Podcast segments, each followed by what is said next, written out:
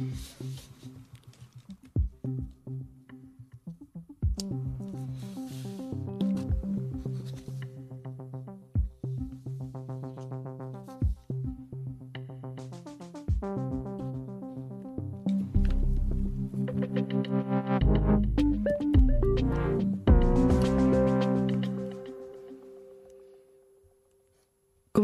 Ja, godmorgen. Christoffer Lind og Karoline. Kert. Ja, det er rigtigt. KK. Ja, Nå, der skete jo lidt i går. der skete lidt i går aftes, hvis det er det, du hensede til. Ja. Ja, Ja, det er ikke, og det her tænker vi ikke på fodboldkampen, at Argentina kom i uh, ja VM-finalen, hvis man... Det var også Santa Lucia i går. Ja. Der skete mange ting i går. Ja, men det der er jo ligesom uh, ryddet fladen herhjemme, det er jo, at vi, uh, ja, vi får en ny regering, og uh, nu er det ligesom slået fast, at det bliver en uh, SVM-regering. Det mest bemærkelsesværdige er vel egentlig, at, øhm, at radikale de ikke kom med. Det valgte de selv. Mm-hmm. Og hvad der præcis er sket, det er stadigvæk øh, til, øh, til debat. Øh, der er jo meget, der tyder på, at Martin Lidegaard ret gerne vil have været med, men øh, måske en håndsoprækning, det fik ham øh, fik den del lagt ned. I sidste sekund nærmest. Jamen, det kan godt være, at det var en, øh, en lille rundkreds med en håndsoprækning. I hvert fald så er de ikke med. Øhm, Nej, men vi kan jo lige sige, fordi altså, det her, det som sagt, det ryddede jo øh, fladen, og det gør det også øh, i dag og, og i morgen. I dag bliver, får vi ligesom fremlagt det her regeringsgrundlag, i morgen der kommer ministeren så også på, øh, på plads. Men vi har faktisk valgt ikke sådan at rydde fladen. Det er bare så man ved det her til Ja. morgen. Øh, Det er altså ikke det, det, det kommer til at handle om. ikke to timers rent regeringsforhandling. Nej, det gør det godt nok ikke. Vi har, vi har, øh, vi har Jens Rode med øh, 57 øh, til især at tale om, øh, om radikale. Han, øh, han plejer at vide, hvad, hvad der foregår der også bag mm. murene. Men ellers så har vi egentlig... Vi har også Peter Veldlund med lige om lidt, vi også skal spørge ind til det her, men ellers har valgt ligesom også at holde et lidt mere almindeligt program, fordi dybest set, Udover det officielle, så er der ikke sket så meget, og det er mest af alt øh, gætterier, og øh, man kan se... ved ikke så meget nu i hvert fald. Nej, det er det, og man kan se det her i alle andre medier, det er man meget velkommen til, men det er godt nok også lige nu en masse gætværk. Vi, vi sidder og venter. Ja, Det og er jeg, meget synes, venteposition. og jeg synes faktisk, nu skal man ikke kaste andre medier eller øh, kolleger under bussen, men jeg synes nogle gange, der er lidt en mærkelig tendens til, at så rydder man fladen og kører bare sådan lidt i ring, for ligesom at have politiske kommentatorer og analytikere til bare at, at gætte løs. Sådan, hvem bliver så måske kulturminister? Hvem bliver et eller andet? Vi kan da bare vente til i morgen. Om helt ærligt. Ja. Det er jo helt åndssvagt at sidde og gætte på. Men øhm, Men nu, vi. Men nu er jeg ved at gætte, ikke? Ja. Nej. vil du så gætte? Jeg tror bare, at Lars Lykke, han, det er bare lige en lille sjov en. Jeg tror, Lars Lykke, han hiver en eller to ind udefra Mm. til ministerposter.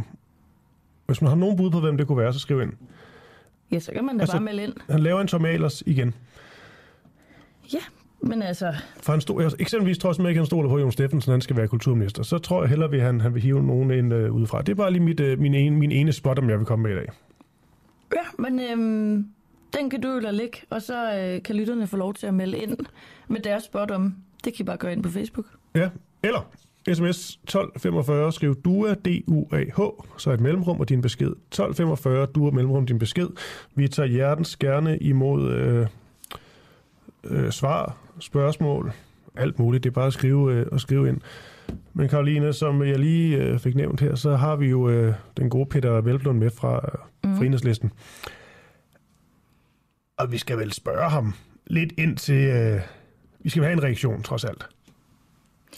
Det bliver vi nødt til at få. Ja, men derudover så vil vi egentlig gerne vide omkring de her øh, børn i, øh, i Syrien, hvorvidt de er blevet sådan en øh, handelsvare i de her regeringsforhandlinger, øh, og om hvorvidt de bliver ladt i, øh, i stikken. Mm. Det kunne være en kritik øh, fra Peter Velblund, som han kan udfolde lige om et øjeblik. Men først og fremmest, godmorgen, Peter Velblund. Godmorgen. Altså, Jeg lige vil starte med at sige, at jeg synes, at din teori om det der med, at man ikke skal bruge tid på gætværk, det er en ret modig teori her under VM i fodbold. Det, hvor her bevares, der snakker om en fodboldkamp var halvanden time, og jeg ser på de timer, der bliver brugt både før og efter på at analysere og gætte på, hvordan det ender. ja, det er rigtigt. Det er rigtigt nok.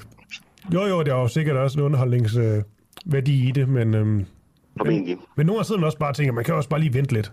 Til vi rent faktisk bare får det at vide. Ret i. Ja, men det er, du har fuldstændig ret. Altså, vi Mm. bruger uendelig meget tid på at gå og gætte på, øh, hvad der måske kommer. Men øh, det, er jo, det er jo også en del af, af af det politiske spil.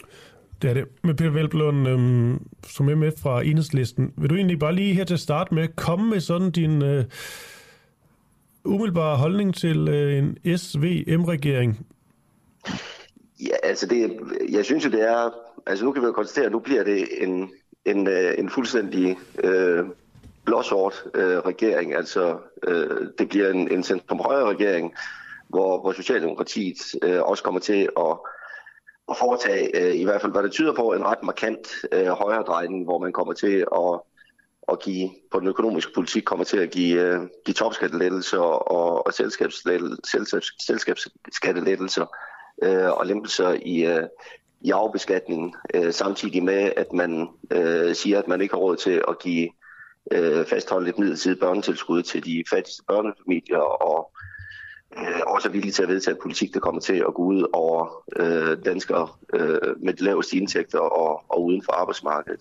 Og, og det er jo bare en situation, hvor de har haft et alternativ. Altså det er jo ikke fordi, de er blevet presset i den situation. De har haft, faktisk haft et flertal, de kunne benytte sig af, der kunne øh, videreføre en politik, som, som ville være øh, væsentligt mere villig til at investere i velfærd og, og, og bekæmpe ulighed. Så, så for mig at se, at det her er udtryk for et, et, øh, et socialdemokrati, som, som drejer markant til højre i en situation, hvor de kunne have valgt anderledes. Ja. Jeg læser lige et, øh, øh, en, en, et tweet op, er det vel. Øh, det er fra Leila Stockmann, din øh, kollega MF og rets- og udlængeordfører for netop øh, enhedslisten. Det skal I sige, hun kunne ikke øh, selv stille op, men så er det godt, vi har dig, Peter Velblund. Hun skrev, utilgiveligt... til, Ja, ja, det er fint nok. Nå, hun skrev, utilgiveligt, hvis Lykke og Moderaterne ikke sikrer, at børnene kommer hjem fra Syrien. I har slået jer op på anstændighed i denne sag. En klar opfordring til at følge sagen til dørs. Det handler om liv og død. Er der noget som helst i de her regeringsforhandlinger, det vi nu ved, der indikerer, at de her børn, de ville blive ladt i, eller ville blive ladt i stikken, så, som følge af det, vi nu er kommet frem til? Ja, altså i hvert fald så kan man sige, at de, de to øh, øvrige partier øh, i regeringen, altså både Socialdemokratiet og Venstre, har jo, øh, har jo afvist det. Øh, og det er ikke noget af det, vi har hørt, øh, har været, øh, været fremført som et, øh, et klart og tydeligt krav øh, i forhandlingerne. Og derfor er det klart, at vi skal jo, kommer vi jo til at se øh, i hvert fald øh, skitsen til et regeringsgrundlag her senere i dag. Men, men jeg synes jo, det der er beskæmmende ved det, det er, at når Moderaterne, som jo var øh, det eneste borgerlige parti, øh, sammen med de radikale, som øh, har sagt, at, øh, at det her, øh, det lå dem på sinde, altså børnens situation, altså de tre børn, som er efterladt tilbage i, i fangelejrene i Syrien, øh, at, øh, at det var noget, der lå på dem på sinde, og de faktisk stillede sig på børnenes side og ville sikre, at både børnene og mødrene fik muligheden for at, at kunne komme hjem. Øh, det, altså, de børn har jo ikke brug for at, at, at opleve flere svigt, øh, og opleve, at der er flere af dem, der har sagt, at de vil øh, hjælpe dem, øh, som så løber fra, fra det løfte. Øh, og derfor øh, var det jo helt centralt, at også øh, Moderaterne som, øh, som et borgerligt parti øh, kunne stå fast på det krav øh, og være med til at øge presset både øh, i, øh, hos, hos regeringspartierne, men også i opposition til at få skabt et flertal for, at vi kan leve op til vores, øh, vores øh, menneskerettighedspligtige øh, pligtige, mæssige forpligtelser og sikre, at, at både børn og mødre kommer hjem. Okay, og det er vel et... Øh... Det er jo ikke mange børn, der taler om. Nej, taler om tre børn Ja. og to mødre. Ja. Det skal jo bare lige med for øh, proportionernes øh, skyld, vel? Øh, Jo, men man kan sige, det, jo, jo, jo, jo bevares, men det er jo, altså, det er jo børn, som, som Danmark har øh, ansvaret for. Altså, det er, det er danske statsborgere. Øh, den danske stat har så øh, frataget møderne deres, øh, deres statsborgerskab. Øh, men, men det er danske statsborgere, som er i nogle forhold, som jeg tror, vi dårligt kan forestille os, ja. øh, hvor elendige er. Øh, og dermed er det også den danske stat, der har ansvaret for den. Øh, og det er jo ikke den tilgang, vi normalt har, hvis vi ser børn mistrives. Altså at vi ser børn i Danmark leve under de vilkår, at vi har ikke været i tvivl om, at så vil vi gribe ind, og så vil vi hjælpe dem. Øh, her er der bare tale om nogle børn, som befinder sig i Syrien, og så kan der være, så er der politiske årsager til, at, øh, at dem vil, vil man ikke hjælpe. Og det synes jeg er, altså jeg synes, det er, det er fuldstændig umenneskeligt, og jeg synes, det, det er dybt uanstændigt, fordi øh, vi har jo en forpligtelse for de børn, og hvis ikke vi skal hjælpe dem som, dem, som det land, hvor de er statsborgere, hvem pokker er det så? Og, og vi har set øh, de meldinger, der er kommet fra, fra børnelæger og børnepsykiater, der har været nede og besøgt dem. Det her det handler om liv og død. Altså det er børn, som er i en akut fare for at dø på grund af den behandling, vi udsætter dem for. Og det pådrager der også som, som stat et ansvar, øh, fordi de er danske statsborgere. Men du er vel heller ikke tilfreds med, at man øh, i situationstegn kun eller bare får øh, børnene bragt hjem til, øh, til Danmark. Øh, i kræver vel også, at møderne de kommer med, selvom de ikke er danske statsborgere? Ja, det er klart. Altså, de, ja, de var jo oprindeligt danske statsborgere. Vi har så øh, en absentia, altså mens de har været ja, det er jo Syrien, har vi administrativt, ja, ja, der har vi administrativt øh, frataget dem, dem statsborgerskabet. Altså, det, det er så i sig selv øh, også dem, temmelig øh, øh, paradoxalt eller temmelig alvorligt, at, at man går ind og, og fratager statsborgerskab på den måde. Men, men det ændrer ikke på, at hvis man skal tage børnens perspektiv, så er det svar, vi får, altså både fra menneskerettighedsorganisationer, men, men jo også fra, fra humanitære organisationer og fra, fra, fra lægelig side, at, at det vil ikke være, øh, altså hvis vi skal tage børnenes tag, så bliver vi nødt til at sikre, at de får børnene med, eller at de får deres møder med hjem, fordi det er den eneste omsorgsperson, de har haft. Altså vi taler om, om helt små børn, som vokser op i lejre, hvor der øh, dagligt sker overgreb, øh, hvor der bliver patruljeret øh, med bevæbnede vagter, øh, hvor de øh, lever under nogle øh, helt ubegribelige øh, vilkår, og den eneste omsorgsperson, de, det, er, det er deres mor, øh, og derfor skulle forestille sig, at, at de så skulle fjernes fra dem, det er jo klart, det vil være et, øh, et voldsomt overgreb øh, mod de børn. Og så er det klart, at de, de mødre, der så kommer hjem, altså har de begået ulovligheder, så skal de selvfølgelig øh, fængsles, og de skal Øh, de skal efterfølgende straffes, men så vil de trods alt være i Danmark. Øh, de vil være i nærheden af deres børn, og man kunne sikre, at der var samkvem. Øh, og det vil give børnene den, øh, den tryghed frem for, at man bare øh, går ind og, og, og fjerner dem, uden at sikre, at deres nærmeste omsorgsperson kommer med. Okay. Peter Velblom, nu vi, nu vi har der denne her snart famøse advokatundersøgelse uvildig øh, advokatundersøgelse af Mette Frederiksen, som øh, Moderaterne Venstre nu ligesom har valgt at sige, øh, okay, den, øh, den lader vi fare. Hvad man, hvad man nu siger, øh, så tænker man jo, det har noget med magt og ministerbiler at gøre, og så videre. Men, men hvor står enhedslisten egentlig øh, lige præcis, hvad det angår? Altså i forhold til advokatvurderingen, mm. der, altså der, der står vi præcis det samme sted, som vi hele tiden har gjort. Altså at hele minkskandalen var jo en, en særdeles voldsom sag. Altså det, at man kunne foretage øh, eller træffe sådan en beslutning uden at sikre, at der var, der var lovhjemmel til det, øh, er jo en, en skandale, og det er jo netop derfor, der har været en, en grænsningskommission, som har undersøgt hele forløbet, og især det centrale spørgsmål om, øh, om øh, statsministeren havde øh, viden om den manglende lovhjemmel, eller om statsministeren havde forsøgt at unddrage sig den viden. Øh, og, og der konkluderede kommissionen jo ret klart, at, øh, at det ikke var tilfældet. Altså den kritik, der blev rejst af statsministeren, det var, at at, øh, at der havde været en forseret proces, og der havde været en, øh, en manglende læsepause. Øh, og så, så er spørgsmålet, er det tilstrækkeligt til at sige, at øh, så skal der rejses en rigsretssag? Øh, og, og det er jo det, øh, der ligesom skal være tilfældet, hvis det er sådan, man skal bede om at lave en, en advokatvurdering. Og, og der har vores pointe jo hele tiden været, at, at den den brøde, som der blev begået, der kvalificerer ikke til at rejse en, en rigsretssag, fordi hvis den gjorde det, så skulle vi i hvert fald hver eneste gang, så vælter en minister, altså når vi har væltet minister, altså både Mogens Jensen og, og Benny Engelbrecht, øh, i denne her periode, og tidligere har der været andre minister, altså Eva Kjær Hansen og, og Morten Bødskov, øh, ja, så skulle man jo også rejse en rigsretssag øh, i de tilfælde, altså hvor man, øh, hvor, hvor den, øh, hvor, hvor der er minister, der har brudt ministeransvarlighedsloven ved bevidst øh, og vildlede eller bevidst at lyve over Folketinget. Og derfor, hvis der skal sådan være nogenlunde konsistens i, hvordan Folketinget straffer ministre, som begår øh, begår fejl, øh, så, så, vil det være, øh, så vil det være ude af proportioner at sige, at den her fejl skulle kvalificere til en rigsretssag, fordi så skulle i hvert fald, så skulle vi have mange løbende rigsretssager hele tiden. Så vi har jo, ja, altså, vi har givet den, ja. vi har givet den sanktion, som vi synes er, øh, står mål med den øh, brøde, der er begået, altså behandlet øh, den her sag som alle andre sager, øh, og, og det betyder, at vi udsætter en skarp kritik af statsministeren øh, okay. for netop øh, ikke at have gjort de ting, ja, ja. Øh, og at vi så i øvrigt væltede Mogens Jensen. Ja, jeg spørger jo, fordi at nu hvor de andre ligesom har, har trukket sig fra denne her uvildige advokatundersøgelse, så kunne det jo være, at, øh, at enhedslisten ligesom ville vælge at stille sig bag den øh, øh, i stedet for. Nu var I jo ikke, man kan sige, skal agere støtteparti. Det kunne jo godt have været, at det havde noget med Jamen, det, men det er jo fordi, vi betragter jo ikke det her som en, det betragter vi ikke som en politisk handelsvare. Altså, vi betragter det ikke som sådan noget, der er opportunt, at hvis man er i opposition, så har man en holdning, og hvis man er parlamentarisk grundlag, så har man en anden. Altså, vi har den samme tilgang til den her sag. Vi har, vi har set på den, vi har målt den og vurderet den ud for de kriterier, vi normalt bruger til at vurdere den slags sager, og så tror okay. vores stilling. Men det er vel hans svar nu? Det er jo selvfølgelig ikke måske dit bord, men... Det, ja. Nej, det er der jo nogen, der har gjort det til, og det er også derfor, jeg synes, det, det, altså, jeg synes, det er fuldstændig absurd at se uh, Venstre og Moderaterne, der har ført en valgkamp, hvor de har bygget stort set hele deres valgkamp op omkring et ultimativt krav, og sagt, at det her kan I regne med, hvis I stemmer på os, så vil det være ultimativt, at vi uh, rejser kravet om en, en, en advokatvurdering, og så se dem løbe for løftet, fordi at der er er, er ministerbiler i farvandet. Altså det synes jeg er, jeg synes det er despekt for demokratiet, og jeg synes det er, Øh, det, her, det, er, det, er, det er sgu ikke kønt at se på. Øh, det synes jeg ikke, fordi så, så er det lige præcis, at, øh, at demokratiske principper bliver gjort til en handelsvare. Og, og det, der må jeg bare sige, der har, der har vi haft en fuldstændig konsistent holdning, og det har vi uanset om vi er opposition eller vi er parlamentarisk grundlag.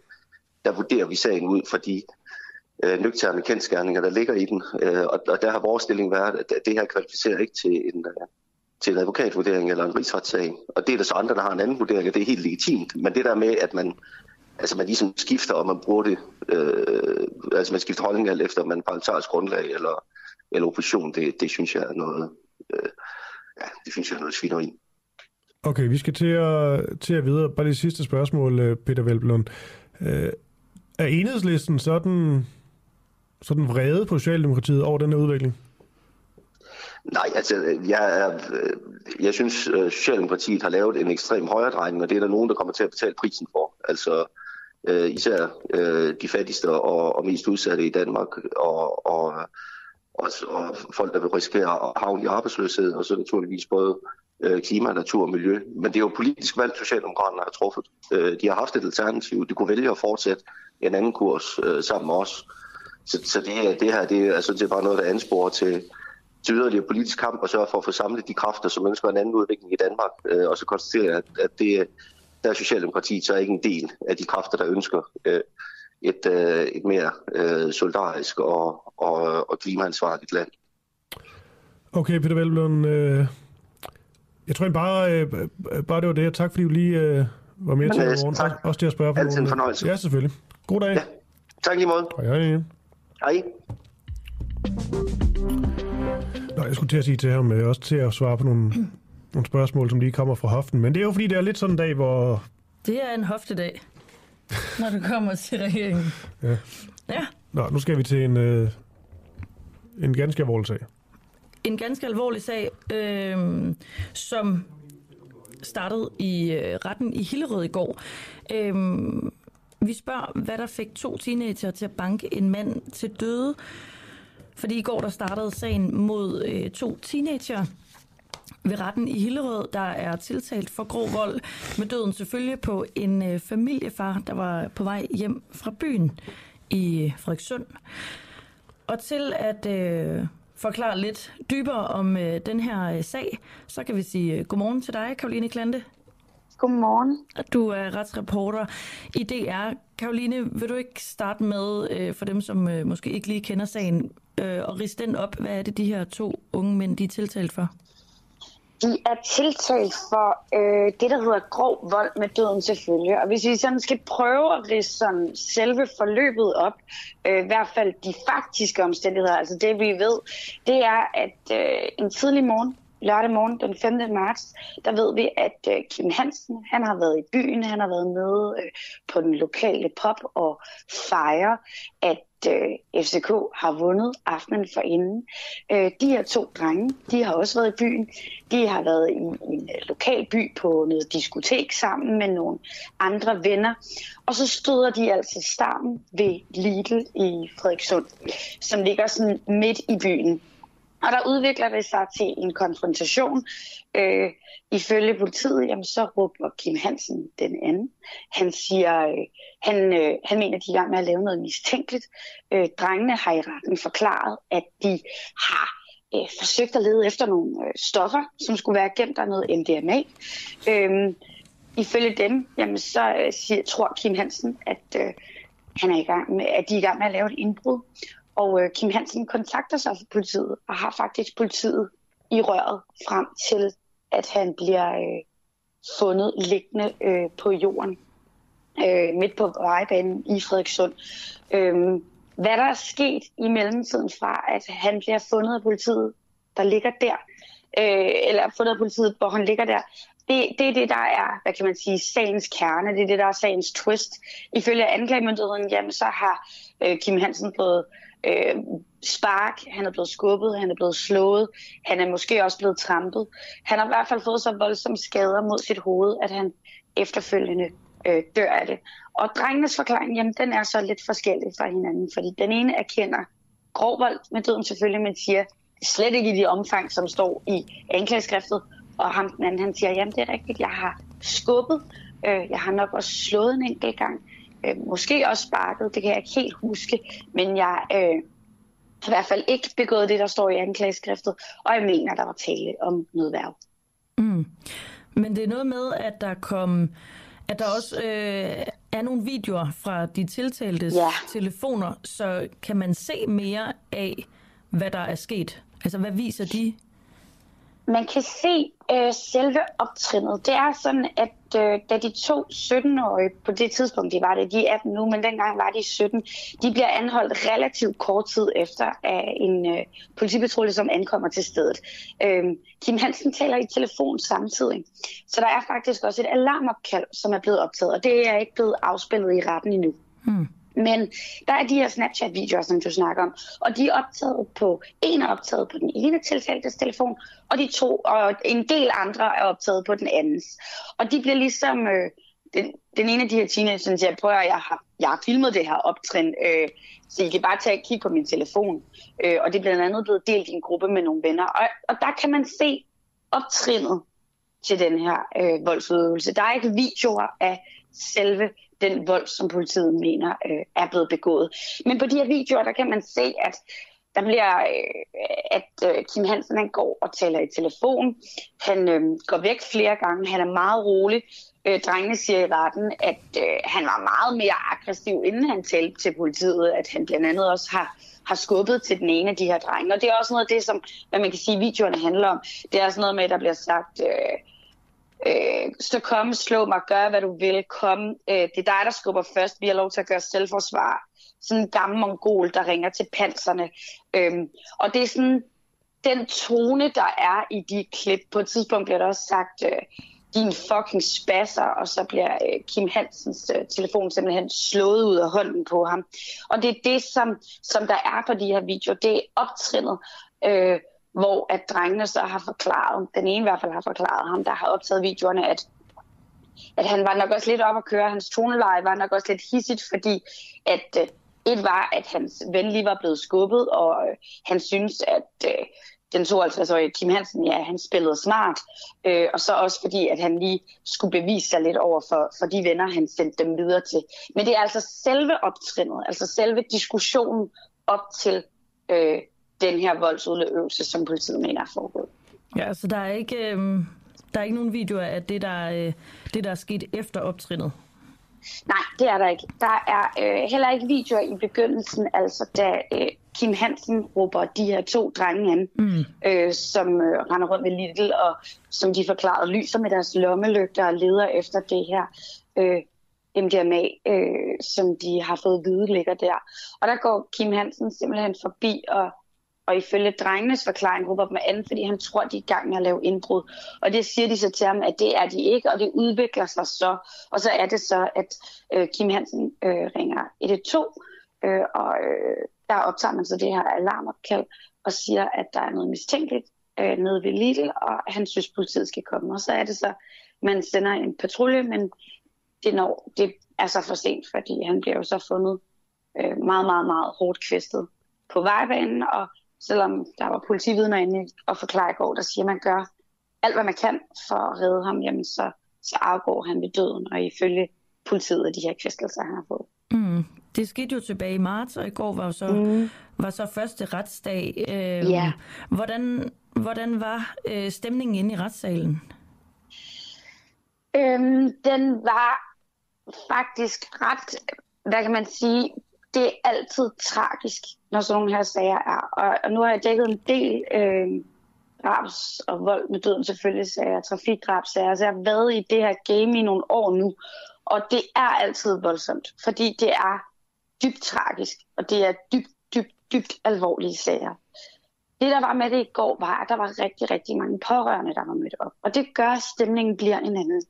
Øhm, det var et ret stort retslokale. Det var retten sagde, at de havde faktisk taget deres største retslokale i brug, fordi at de godt vidste, at der ville komme mange mennesker.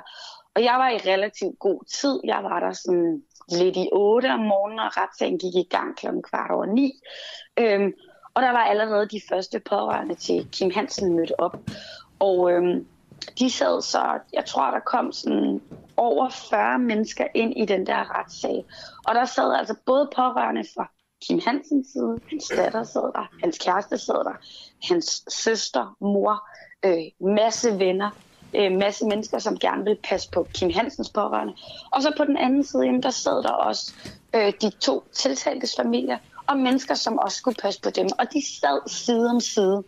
Og mens retssagen var i gang, jamen, så var der nogle suk, der var, hår, der var tårer, der var snøft, der var øh, små lavmældte bemærkninger. Og der var der også en dommer, der på et tidspunkt sagde, jeg ved godt, det her det er hårdt, jeg ved godt, det her det er ubehageligt, men vi skal altså bede om, at der er respekt for retten, når man ikke siger nogen ting, øh, når man er herinde. Og øh, der var også på et tidspunkt sådan lidt øh, noget med, hvor mange pladser hver forskellige skulle have. Så man kan sige, stemningen var meget alvorlig, og var meget trykket i går.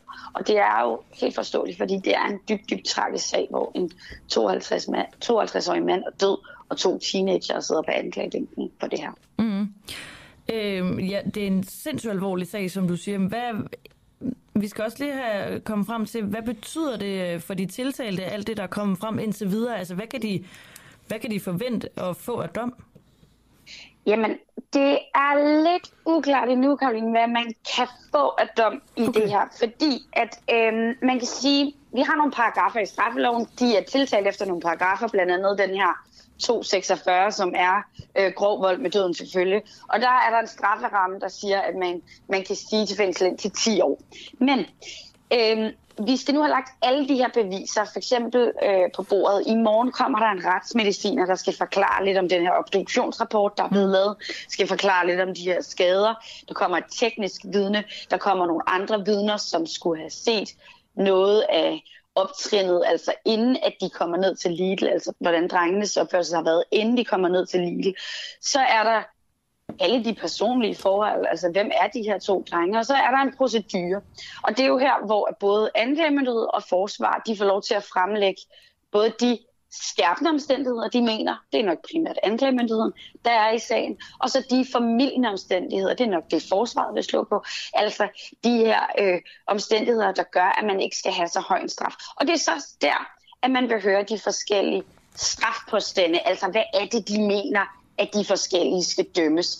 Og der tror jeg heller ikke, der kommer til at være nogen tvivl om, at der kommer til at være en forskel mellem de to forsvarsadvokater, fordi de to drenge øh, erkender sig skyldige i forskellige ting, hvor den ene faktisk siger, jeg har slet ikke begået grov vold med døden selvfølgelig, øh, jeg har begået mild vold, mm, og det er øh, meget, meget, meget mild vold, og jeg vil faktisk sige, at det var nødværv, og hvor ham den anden siger, Jamen, det er rigtigt. Jeg har begået grov vold med døden selvfølgelig, men slet ikke i det omfang, der er beskrevet i anklageskriftet. Så derfor kan deres, hvad kan man sige, strafpåstand også øh, variere ret meget for hinanden. Men det er noget af det, vi forventer, vi kommer til at høre, når der er procedurer på tirsdag.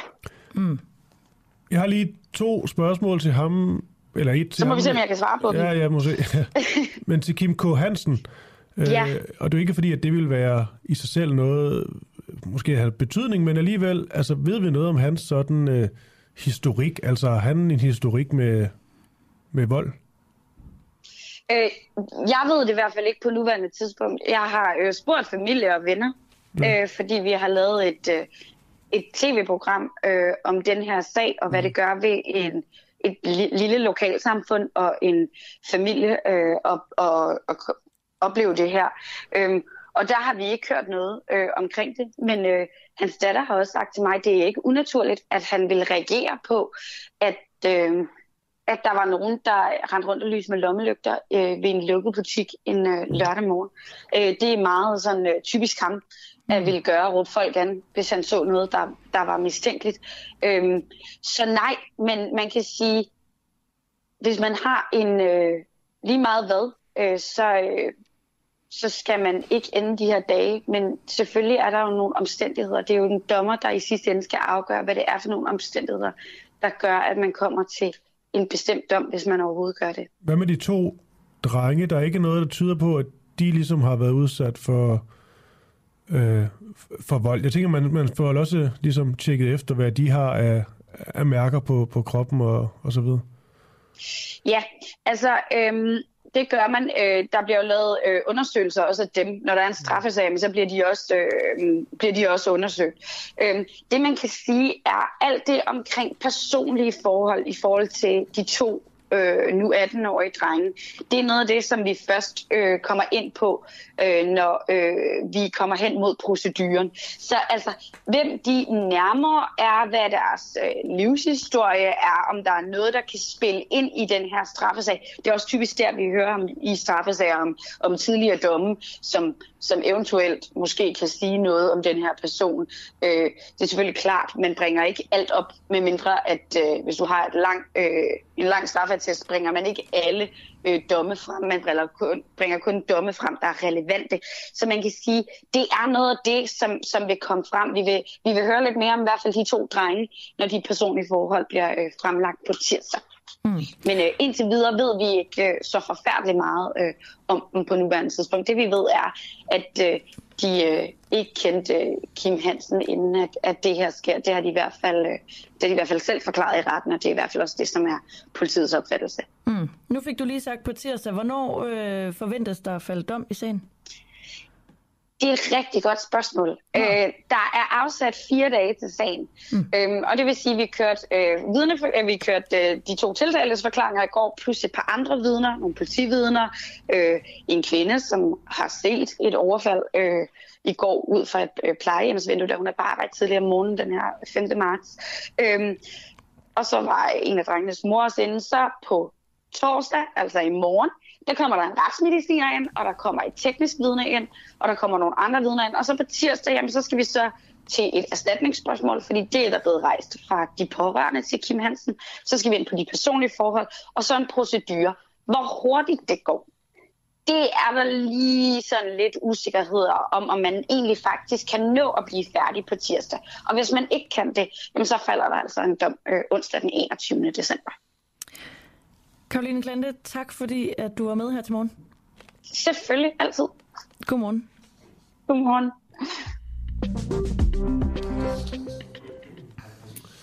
Der var en lytter, der, øh, vi kan sige, at klokken er lige blevet lidt over halv otte. Der var en lytter, der skrev og spurgte, hvornår det her regeringsgrundlag det bliver præsenteret. Mm. Og øh, så vidt jeg ved, så er det klokken 12 i dag. Okay. Jeg, jeg ved, vidste jeg, faktisk ikke, hvornår det var. Nej, men jeg ved heller ikke, om det kan variere lidt. Øh, I går der kom det i hvert fald, der blev klokken 12 i hvert fald meldt ud. Og det, der kommer til at ske okay. i dag, det er, at øh, der vil være et, øh, et pressemøde, der vil de tre partier, altså Socialdemokratiet, Moderaterne og Venstre, ligesom præsentere det her regeringsgrundlag. Og det er et regeringsgrundlag, der vil bære præg af mange kompromiser, det slår Mette Frederiksen selv fast.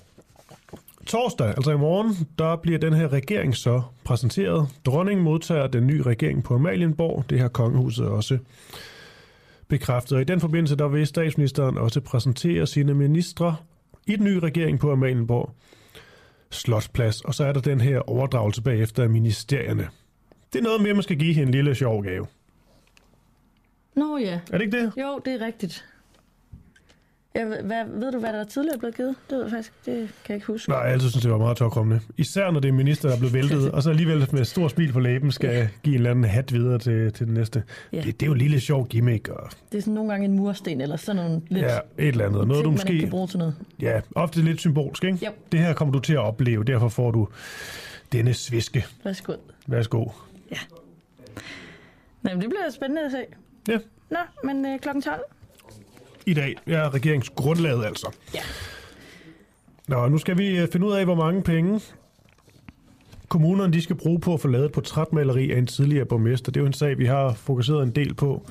Vi er i Rødersdal Kommune, og vi taler om øh, et portræt af den nu tidligere borgmester Jens Ive til 250.000 Ja. kroner.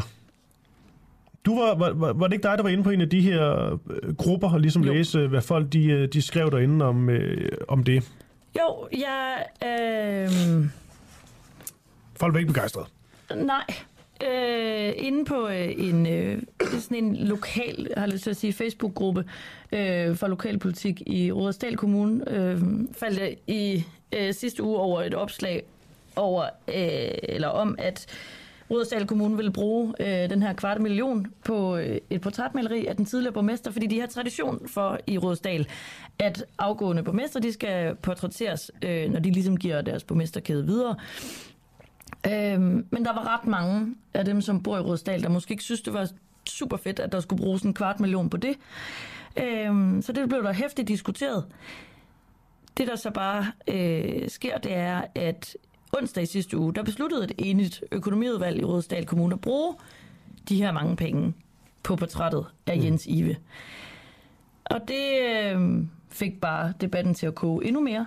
Og faktisk så øh, fik det også en til at oprette et borgerforslag imod portrættet af Jens Ive. Og når man opretter et borgerforslag i øh, en kommune, så skal det have, i hvert fald i Rådsdal, jeg ved ikke om det faktisk er generelt, men det skal i hvert fald have 200 øh, stemmer mm. for at blive optaget. Og det har det fået, det har fået over 200 stemmer, så nu skal det behandles i kommunalbestyrelsen. Og øh, nu har vi øh, Mia Eholm Voss med. Godmorgen, Mia. Godmorgen. Det er dig, der har oprettet det her borgerforslag. Hvorfor har du egentlig stillet det? Jamen, det har jeg, fordi jeg blev lidt øh, provokeret af, at de vælger at vil bruge 250.000 kroner på et enkelt portrætmaleri af en tidligere borgmester, fordi at, øh, hvad kan man sige, det er deres tradition i kommunen. Og jeg synes, det er rigtig, rigtig mange penge at vælge at bruge i de her tider, hvor vi alle sammen skal spænde livremmen ind og spare, hvor vi kan, og kommunen også vælger at spare rigtig mange penge mange steder. For eksempel på vores juletræsbelysning i december måned. Det, den er faktisk øh, sparet rigtig meget, på det kun er tændt i fire timer. Mm. Ja. Den, den seneste borgmester, der blev malet, øh, det er tidligere borgmester i Søllerød og Rudersdal Kommune, Erik Fabrin. Han øh, portræt kostede 150.000. Det er selvfølgelig 100.000 forskel. Men hvis portrættet det ikke skal koste 250.000, hvad må det så koste? Jamen, hvis man sådan ser rundt omkring i landet, så er der jo faktisk nogle kommuner, der helt har afskaffet den tradition. Øh, og øh, i Løjes sendeområde, der er der jo mange, der er gået over til fotografi. Øh, og det kan man jo så få lavet for måske 1000 kroner, inklusive en pæn ramme. Øh, så jeg kan slet ikke forstå, hvorfor at det skal koste så mange penge. Hvad er det for en fotograf, der skal lave det til 1000 kroner? Jamen, altså, det, vi har jo nogle gode nogle. Altså, jo, altså for eksempel i Holte, hvor øh, hvad hedder det, øh, rådhuset ligger, der ligger en god fotograf der, og der er jo også nogen, der faktisk vælger at gå ned og bruge den fotoboks, der findes i øh, borgerservice. Det er der også nogle kommuner, der vælger. Og så er det jo endnu billigere. Mm. Så jeg siger ikke, at det skal afskaffes. Jeg siger bare, at man må ligesom tænke lidt over, hvordan man øh, forvalter de penge, som vi betaler i skat. Men hvis man nu rent faktisk vælger, hvis du siger, at det ikke nødvendigvis skal afskaffes, hvis man vælger at holde fast i det, også fordi det jo netop er tradition, nogle gange skal man jo også kære om de her tradi- traditioner, så har vi en, flot, en, en flok af flotte borgmesterportrætter, som hænger der i, øh, i al evighed, og øh, man går forbi der og se de her portrætter. Så skal Jens Ive have et portræt hængende, taget i en, øh, i en fotoboks, smækket op i en ramme til, til 1000 kroner. Det synes jeg egentlig også lyder sådan lidt skævt. Nej, men jeg tænker, hvis alle sammen får det fremadrettet, så er det jo bare, så kan man sige, så er det jo tidens tand, man følger. Øhm, for jeg tænker, at de der portrætsfotoer, det blev jo øh, det blev en tradition, fordi det var inden man kunne tage et ordentligt fotografi. Og nu har vi jo øh, meget fin høj pixelering, øh, og vi har nogen, der er gode til at tage billeder, så synes jeg da godt, at man ligesom kan sige, når man, kan vi så ændre den her tradition, Okay, ligesom vi gør alle mulige andre steder okay. omkring. Altså revselsretten, den er jo også afskaffet. Skal vi så, blive, skal vi så tage den tilbage igen? For Jamen, at være det er sådan lidt også, grov, ikke? øh, det er også, Altså. ja, okay. Og jeg tænker, hvis andre kommuner øh, kan ændre... Men vi er heller ikke slaveri længere. Altså, jeg vil sige, det, det er også et vildt Nej, eksempel, nej, nu nej. lige op og have det hvis der. andre, kommu- hvis andre kommuner de kan ændre den tradition, fordi de ligesom kan se lidt anderledes på sagen.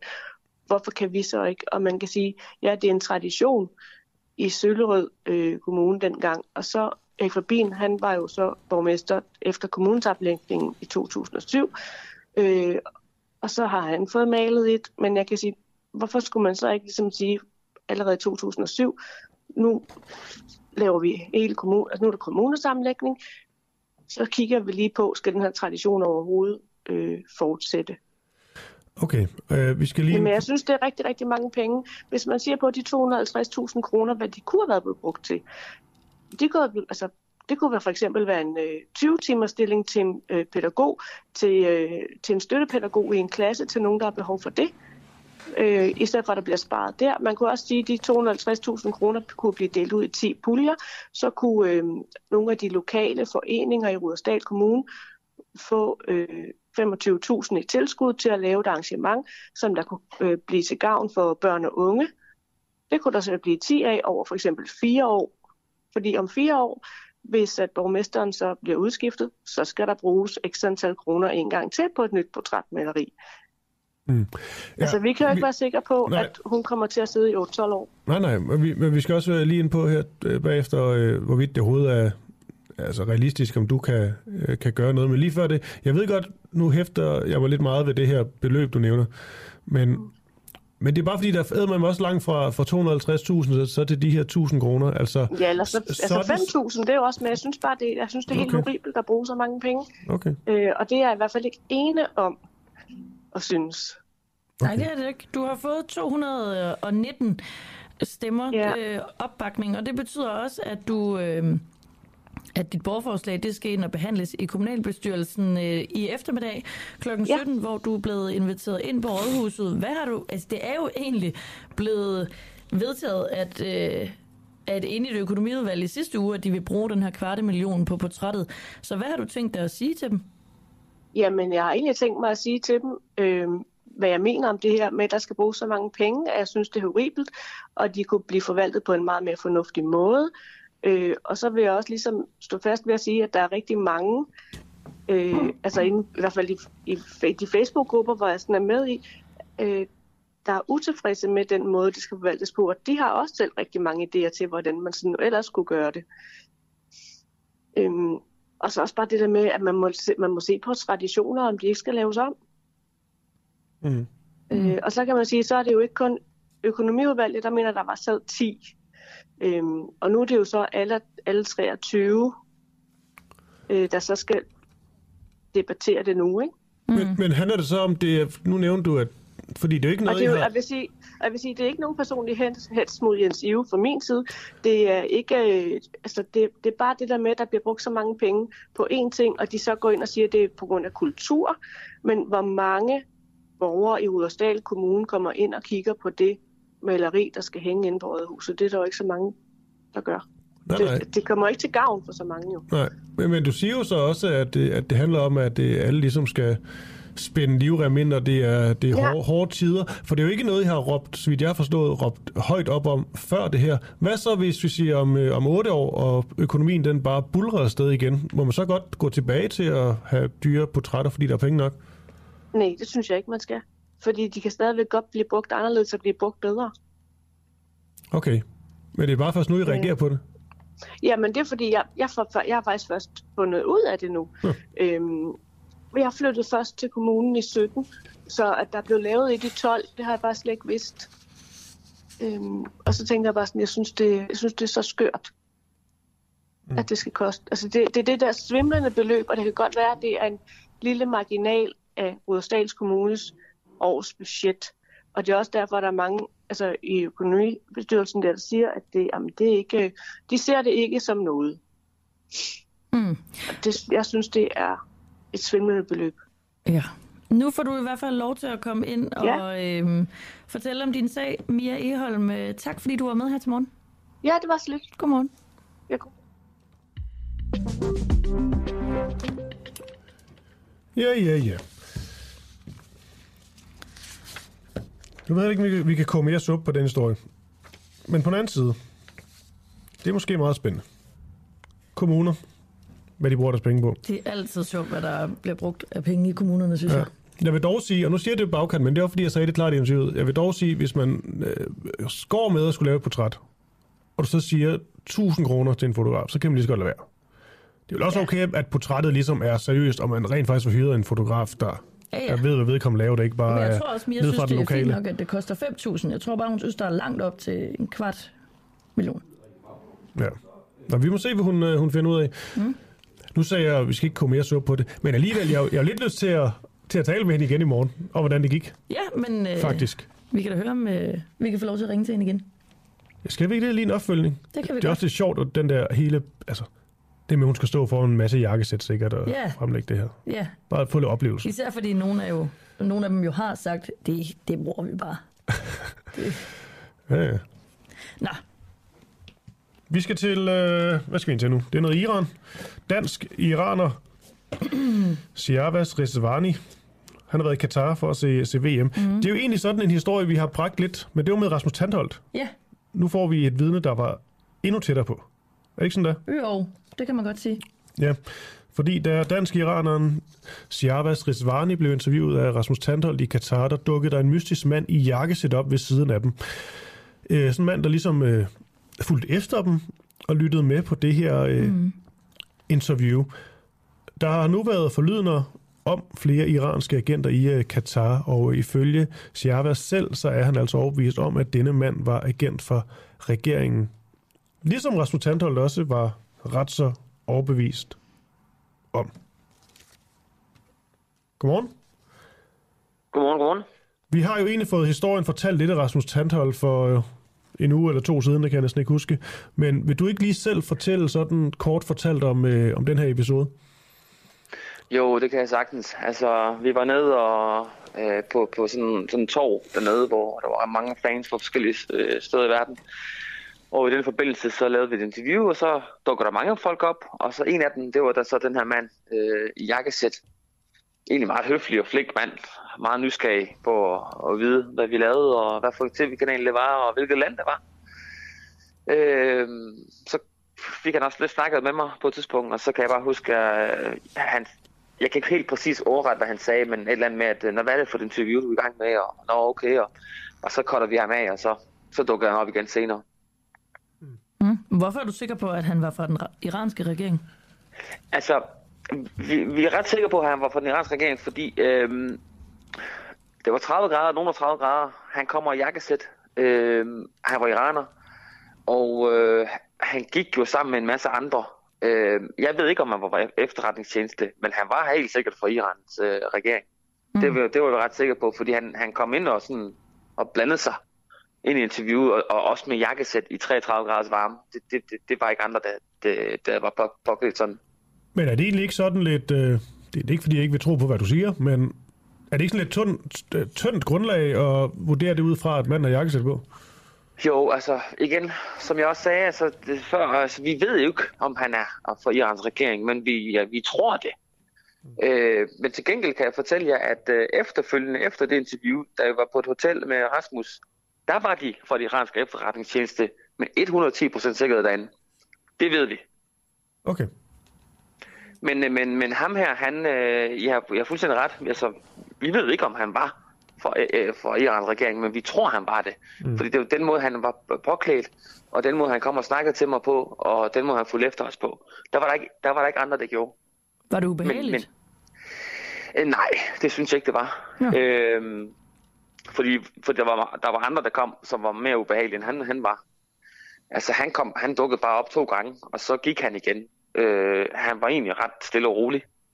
Der var ikke noget. Men igen, efterretningsfolk, de er jo ikke øh, ubehagelige som regel. De er jo som regel sympatiske og snaksalige og sådan noget, tænker jeg. Øh, men nej, det var han ikke. Han var ikke ubehagelig overhovedet. Mm. Så du var ikke bange for at blive yderligere forfulgt af ham eller andre, der også havde jakkesæt på? Øh, måske ikke lige ham, men jeg var, jeg var godt nok nervøs, da jeg var på vej til stadion, øh, for at, eller på vej hjem fra stadion. Fordi der var der rigtig mange øh, forskellige typer, øh, som man antager var fra Irans regering. Øh, og der holdt vi jo lidt sammen, også som ikke var øh, med regeringen, og gik sammen, fordi vi var nervøse. Øh, fordi de, de var, der var rigtig mange dernede fra regeringen, og det vidste man godt. Og jeg var også nervøs, fordi jeg havde set til Iran-Wales-kampen, hvordan de havde anholdt folk, og hvordan de havde mit folk i detention på grund af et flag, eller på grund af noget øh, slogan, politisk slogan, som ifølge FIFA faktisk er lovligt, så, så længe det har med menneskerettigheder at gøre. Men alle sammen blev smidt ud. Folk, altså, og jeg har set det selv. Øh, Rasmus blev selv tilbageholdt. Øh, så jo, jeg var så godt nok nervøs. Men, øh, men sådan er det jo. Altså. Mm. Nu er du jo så øh, vendt tilbage igen. Øh, hvordan er det som, som dansk iraner at ligesom at have oplevet det her, og vel også have en, en frygt for, at de så måske ved, hvem, hvem du er. Altså oplever du sådan en, en lille angst for, at du måske godt kunne være i et eller andet system, du ikke har været i? Altså, jeg, jeg vil lige, inden, inden jeg svarer helt på det der spørgsmål, vil jeg sige, at Katar, det var så opdelt i to, øh, to øh, oplevelser. Den ene var øh, alle, de andre, alle de andre kampe, som spor, som spillede for kanter, jeg var nede for at se. Og så var det Iran-kampen. Ja. Alle de andre kampe, det var spændende, og der var ikke noget, der var frihed. Men så snart det kom til Irans kampe, så kunne jeg, så kunne jeg mærke sådan en tung byrde af politisk øh, okay. angst og, og sådan nogle ting. Øhm, og jo, selvfølgelig er jeg øh, nervøs for, at, øh, at altså mit navn og efternavn og mit billede er jo rundt omkring det på TikTok. Folk står mig på, på gaden, og øh, så jo, jeg er ret sikker på, at, at de har mit navn. Øhm, men som jeg også sagde til Rasmus dernede, hvis ikke vi gør noget, hvor vi er, hvor vi er lidt mere frie, øh, hvem skal så gøre noget i udlandet? Altså Iran ligger folk og dør og bliver skudt, og, og, og folk bliver voldtaget i fængslerne, og nu hænger de folk og henretter folk. Så, så jo, selvfølgelig er jeg nervøs, men ved du hvad, hvis det, skal, hvis det er det, det skal til, så må de gerne have mit navn, og de må gerne have min adresse, de må have, de må have det hele. Mm. Altså, det er det mindste, jeg kan gøre. Ja. Altså. Øhm, gjorde du egentlig andet? Altså, var, der, var du med til at til at, til at protestere, da du var i, uh, i Katar mod styret? Jeg tog, jeg tog ned på ambassaden, Irans ambassade, det var lige ved siden af Kanadas uh, hotel, uh, hvor vi boede, og der, der tog jeg ned på hotellet, eller undskyld, ambassaden, Irans ambassade, og så gik jeg med mit flag øh, og viftede den, og så, så kom politiet, og der, der, der løb jeg væk, kan man så sige. Hvad, hvad, hvad, lige, hvad, hvad var det for et flag? Altså, Iran har et officielt flag, øh, som, som pressestyret har, men før pressestyrets flag, i flere tusind år har der været flag med en løve på, mm. som holder svær. Det er Persiens officielle flag, og det er ikke noget politisk flag, det, det er bare Persiens flag. Ja. Det flag, det var det, som øh, gav ballade for, for mange mennesker ned i Katar. Ja. Øh, fordi at Iran og Katar umiddelbart har et samarbejde, og, og det, var, det, det var derfor, at, at folk blev taget. Det var på grund af flaget. De vil ikke have, at flaget Øh, blev vist på tv, fordi flaget har associationer til, øh, altså til de protester, der går i gang lige nu. Ja, så sådan en, øh, man kan sige, sådan en protest, hvor folk udefra jo nok ikke helt ved, hvorfor der er en protest i, i det her overhovedet, men som, øh, som dem, der ved noget om det, de ved godt, hvor protesten den, den består. Ja, helt, ja 100 procent. Altså, altså, og man kan sige, flaget er jo, det er jo, det er jo symbol på, på friheden. Det, det er det, folk de kæmper for. Men det er ulovligt i Iran, og hvis du har det flag i Iran, så kommer du i fængsel. Så, så jo, dem der ved det, de ved det. Okay. Ja, jeg tror, vi siger, vi siger så tak for den her, øh, den her historie, og øh, godt, du er kommet trygt hjem, trods alt. Øhm, ja, tak. Shabas tak. Øh, Rizvani, tak for det, og øh, god dag til dig. Tak og lige måde. God dag, hej. hej. Og altså dansk iraner, som har været i Katar for at se VM. Mm. Nå, Klokken nærmer sig 8, der er syv minutter til den er det, men inden da, så kan vi lige nå at tale med Jens, uh, Jens Rode, øh, politisk kommentator her på, på Den Uafhængige, og um, også tidligere medlem af ja, flere partier, men blandt andet radikale Venstre, som nu er ude af den her regering, der bliver præsenteret i dag. De vil ikke være med. Overraskende. Nej. SM, yeah. eller SMVR, eller SVMR, hvad det nu skulle hedde regeringen, den blev altså til en SVM-regering, yeah. udelukkende. Det gjorde det. I går kl. 8, der var Mette Frederiksen forbi dronningen for at fortælle, at øh, det er dem, hun er klar til at danne en ny regering med. Ja, og øh, det var, altså, er han med, Jens Rode? Godmorgen, Jens. Nej, ikke nu. Nej, ikke helt. Nå, vent lige et øjeblik. Men det, vi gerne vil høre om, det er vel det med øh, Lidegaard som jo melder ud, at, øh, at de er med til aller, aller sidst, og så ender mm. de med at trække sig. Og så vidt jeg har forstået, så var det ligesom efter et møde, en snak med den øvrige folketingsgruppe. Ja. Men der var alligevel, øh, synes jeg, øh, en del, som han var ude at sige, at det kunne de ikke blive enige om. Eller det var de ikke enige om, at, øh, at det var den retning. Det var noget med børn og klima. Ja, nogle ting var de meget enige i, andre ja. ting, det var for svært. Men Jens Rode, Martin Lidegaard, ville han gerne øh, have været i regering? Det er jeg 99,9 procent sikker på, at han meget, meget gerne ville. Ja. Jeg øh, er ret overbevist om, at øh, Martin Lidegaard bliver ramt af stampesyndromet, som jeg kalder det. Nemlig en gruppe, der øh, ikke vil være med, uden at kunne få opfyldt alle ønskerne. Okay. Kan du lige prøve, at, øh, det som Karoline også nævnte her, øh, slå ned på nogle af de her punkter, som han jo selv nævnte, Martin Lidegaard. Altså, der var ting, de var enige i, og ting, de var uenige i, og på en eller anden måde, der vejede de sidste ting så tungest. Det var i hvert fald den forklaring, han gav. Hvad var ligesom hans hovedforklaring på, at det her ikke lykkes? Det ene handler om klima, og det er jo klart, at radikale venstre, hvis vi kigger på substansen, hvis man går til valg på at sige, at man er 110 procent klima, hvordan man så kan være det, det ved jeg ikke, men, men, men går man til valg på det, så øh, er det klart, at, at klimaambitionerne skal være øh, meget, meget store i regeringens grundlag, og det ved vi jo endnu ikke, om øh, de bliver. Vi ved, at der kommer en CO2-afgift. Vi ved, at noget af det kommer, ikke hvor stor en del, men noget af det kommer til at gå tilbage til landbruget, både i form af forskning, men også nogle belønningssystemer. Der er der nogle EU-regler, man skal overholde for at kunne gøre det. Øhm, og det er jo ikke sikkert, at øh, det har øh, haft den tilstrækkelige øh, skal sige, smag for, øh, for de radikale ambitioner. Så substantielt kan man selvfølgelig godt lægge noget der. Øh, og så er der på øh, børneområdet, hvor øh, partiet jo har en øh, børne- og ungeordfører i Lotte Rod, der jo øh, længe har talt om, at der skal meget, meget store ambitioner, læs meget, meget store beløb ind i børne- og ungdomsområdet, øh, og at, øh, at, at man, man bør lade være med at blive ved med sådan at, og nu populært udtryk, chatpisse Øh, på børne- og ungdomsområdet, men virkelig, virkelig sætte, sætte ind. Det er to substantielle ting, som radikale jo har stået meget på igennem det sidste år. Og derfor er det jo selvfølgelig også deres finblad for at gå ud. Men man kan jo tydeligt høre på Martin Lidegaard, at han synes, at forhandlingerne var gået pænt i radikal retning, at der var rigtig og er rigtig mange gode ting set den radikale venstre i regeringsgrundlaget. Og det plejer jo ikke at være enkelt sager, hvis vi sådan går tilbage i historien, som radikale der en regeringsdeltagelse falde på. Det handler, øh, altså når, når, når radikale venstre skal vurdere et regeringsgrundlag, så har reformviljen og den overordnede økonomiske ansvarlige politik, det som radikale venstre og økonomiske vismænd jo sådan har døbt som nødvendighedspolitik, det har altid fyldt rigtig meget for øh, radikale venstre. Og derfor ser det, det ser en lille smule øh, forpjusket og, og, og, og meget ærgerligt ud for Martin Lidegaard, at han ikke er en del af regeringen. Og jeg tager godt fastslå, at når han siger, at de kan få mere indflydelse ved at stå udenfor og presse på i den rigtige retning, så er det jo ikke øh, sandt, fordi nu taler vi jo altså om en, en flertalsregering.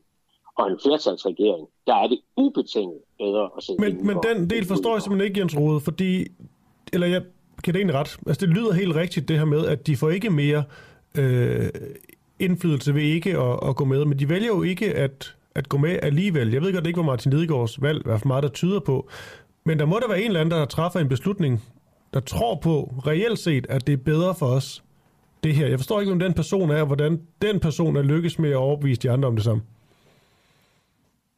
Jamen, det er fordi, du ikke har været i radikale venstres gruppeværelse. Det har det, jeg. Det er korrekt. Men det har jeg, og jeg kan tydeligt høre diskussionen øh, ja.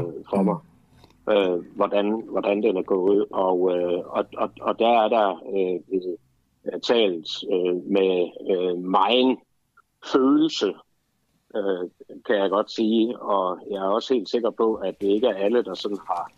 Altså i radikale venstre, der kan man godt gå rundt i lokalet, mens man taler. Øh, det, det er ikke ligesom i andre øh, gruppelokaler, hvor alle sidder nødvendigvis ned, mens de taler. Man kan godt sådan øh, gå og køre rundt med sit barn i en klapvogn og sådan lidt der. Det, det, det, det, det kan godt... Øh, øh, og, så, og, så, og så føles det mange gange, som, som om bølgerne går meget højt. Jeg, øh, jeg, har, jeg har et tydeligt lydbillede, som jeg... Jeg er jo ikke komiker, så jeg kan ikke gengive det, men jeg har Jeg et tydeligt sige, kan du lydbillede. ikke prøve at gengive det først, der ikke har været der, fordi det lyder ekstremt interessant. Ja, men det, øh, det er det også, øh, og, og, og- det, det, det er meget spektakulært at, at, at sidde og lytte til og være en del af.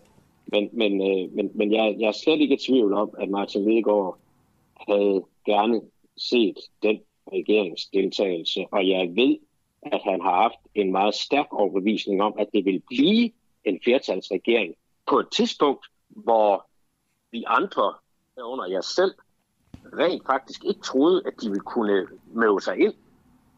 Det var jo det, der var den radikale udfordring til at starte med. Det var, mm. at man ikke ville have dem med, ligesom man til at starte med heller ikke ville have moderaterne med. Så ændrer billedet sig, da konservative og SF øh, går, så ved de jo godt, at skal der en flertalsregering til, og skal det her være noget, der er holdbart, jamen så er der så andre partier, øh, man er nødt til at tage med. Så de andre partier skiftede jo holdning til fra helst ikke at ville have dem med, til så gerne at ville have dem med.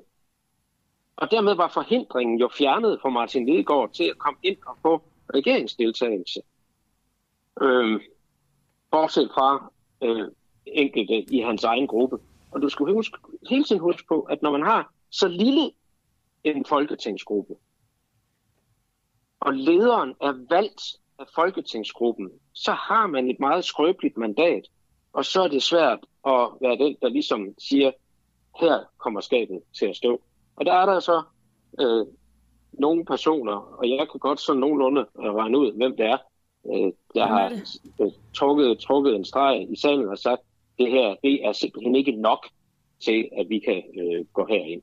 Men det, øh, det sidste, det, det, har- det er jo bare mit eget billede, og før jeg får det bekræftet, så, så det, kan vi, det kan vi lige vende tilbage til en anden dag. Men jeg har et ret tydeligt billede af, hvad der er foregået på det gruppe.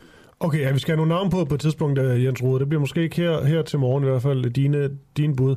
Kan man egentlig ikke her til sidst, Jens Rode, kan man ikke sige, at trods alt, at der er der også noget, hvis man lige vender den om, altså noget øh, respektfuldt, øh, noget man have respekt for ved, at øh, der er nogen fra radikale, der tænker, at vi får simpelthen for lidt ud af det her, men måske også tænker, at vi kan ikke stå inden for det her. Der er simpelthen nogle, nogle, af vores værdier, noget af det, vi kæmper for, som ikke bliver en del af det her regeringsgrundlag, og derfor så vil vi hellere være i, øh, ja, groft sagt, opposition. Jo, jo, det kan man sagtens sige. Altså, alting er jo legitimt i sådan en proces. Jeg vil sige, altså, jeg har jo personligt kæmpe respekt for, øh, altså for det første, de tre partiledere, som rent faktisk har valgt at tage det her ansvar på sig. Man må jo sige, uanset om man kan lide det eller ej, eller om man taler løftebrud eller ej, nu kommer der også en løftebrudsdiskussion over for øh, Mette Frederiksen. Det er der ingen tvivl om øh, her på den anden side af, af frembringelsen af, af regeringsgrundlaget. Øh, men, men, men så er det dog modigt at bevæge sig ud i sådan et ukendt land her. Det har jeg kæmpe respekt for. Jeg har faktisk også, jeg mener faktisk også, at man skal have kæmpe respekt for dem, der har siddet med ved forhandlingsbordet længe og prøvet at se, om de ikke kunne se sig selv i det. Og for dem er det helt legitimt at sige, jamen vi trækker stregen her, fordi vi kan ikke se os selv i det. Jeg synes, det, jeg synes, øh, det der er foregået i de sidste 42 dage, hvor der heller ikke har været ret mange læk fra ret meget, at det har været øh, virkelig the finest hour for vores folkestyre igennem lang tid for vores parlamentariske system. Men det ændrer jo ikke på situationen for Martin Lidegaard, at han ikke har fået det, som han ville have det, og det svækker ham nu alt andet lige som øh, leder af den radikale gruppe. For der er ingen, der tror på, at det var ham, der træffede beslutningen om ikke at gå med i regeringen. Og med de ord vil vi bare som altid sige øh, tak for en, øh, en god analyse, Jens Rode, og øh, ja, der kommer bare til at ske alt muligt næste par dage. Vi, øh, vi Det tager bliver spændende. Det gør det. God dag. Goddag. Men nu skal det handle om en ulv. Ja, det skal det. Fordi, øhm, Boris. Det, det hedder ulven ikke, Nå. men den er i Boris. Nej, så var det bare mine, mine noter. Nej, det håber jeg ned. Hvem, det kan vi det kan vi kan spørge Peter lige om lidt, om, tror, hedder øh, John, om vi så. må kalde den Boris. Det kan. Jeg ved ikke, om de har givet den et navn. Det er en hanulv, som øh, i sidste uge i Vestjylland, rigtig nok ved Boris, gik i en fælde, og nu har fået sat et GPS-halsbånd rundt om halsen af nogle forskere fra Aarhus Universitet. Øhm, vi spørger, hvad øh, der fik en ulv til at gå i fælden efter fire år.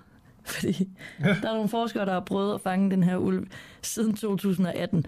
Og nu, øh, nu er den gået i fælden. Det er altså også fascinerende dyr, ulven. Også hele Ja. den her debat om, hvad vi skal Ja. gøre, kan skulle gøre med dem, eller føle øh, Ja. om det. Præcis. Hvordan har vi det med, at gå ulve rundt? Ved ikke.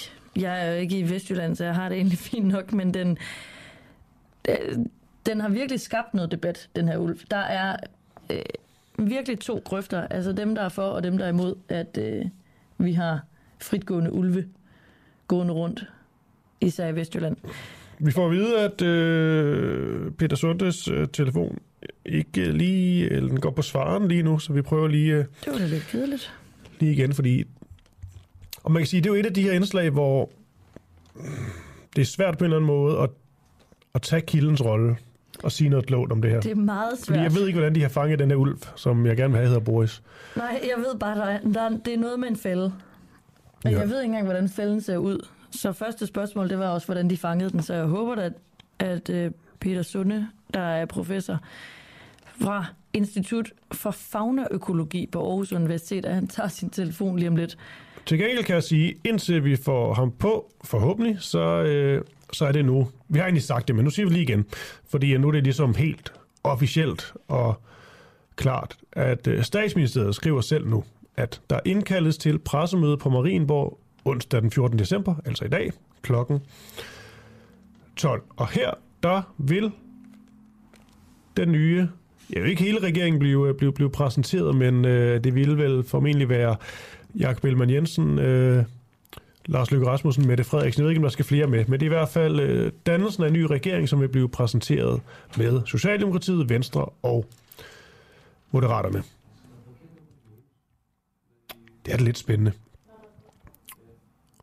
Jo, det står faktisk her, undskyld. Det er fordi, den er lige tækket ind. Øhm, ja, det er netop øh, Mette Frederiksen, Jakob Ellemann Jensen og Lars Løkke, som vil være til stede. Så står der jo også, det er jo sådan en besked, man så ligesom får her, at øh, man skal have et gyldigt pressekort for at deltage, og man stadigvæk kan nå det, hvis man sender en mail inden klokken 10. Det er jo sådan noget, vi kan benytte os af, så det kan da være, at vi skal sende en mand eller kvinde i, øh, i marken. Jeg kunne lige, jeg sidder sådan og, og taler højt om, at, at vi burde sende nogen afsted, for nu er den jo kommet. Det er jo en, det er jo en indkaldelse. Det er det jo ikke, men man kan vælge at, at, at møde op, og så kan man jo få lov til at stille et uh, spørgsmål, eller to eller tre. Ja, men vi kan da sende Christian afsted.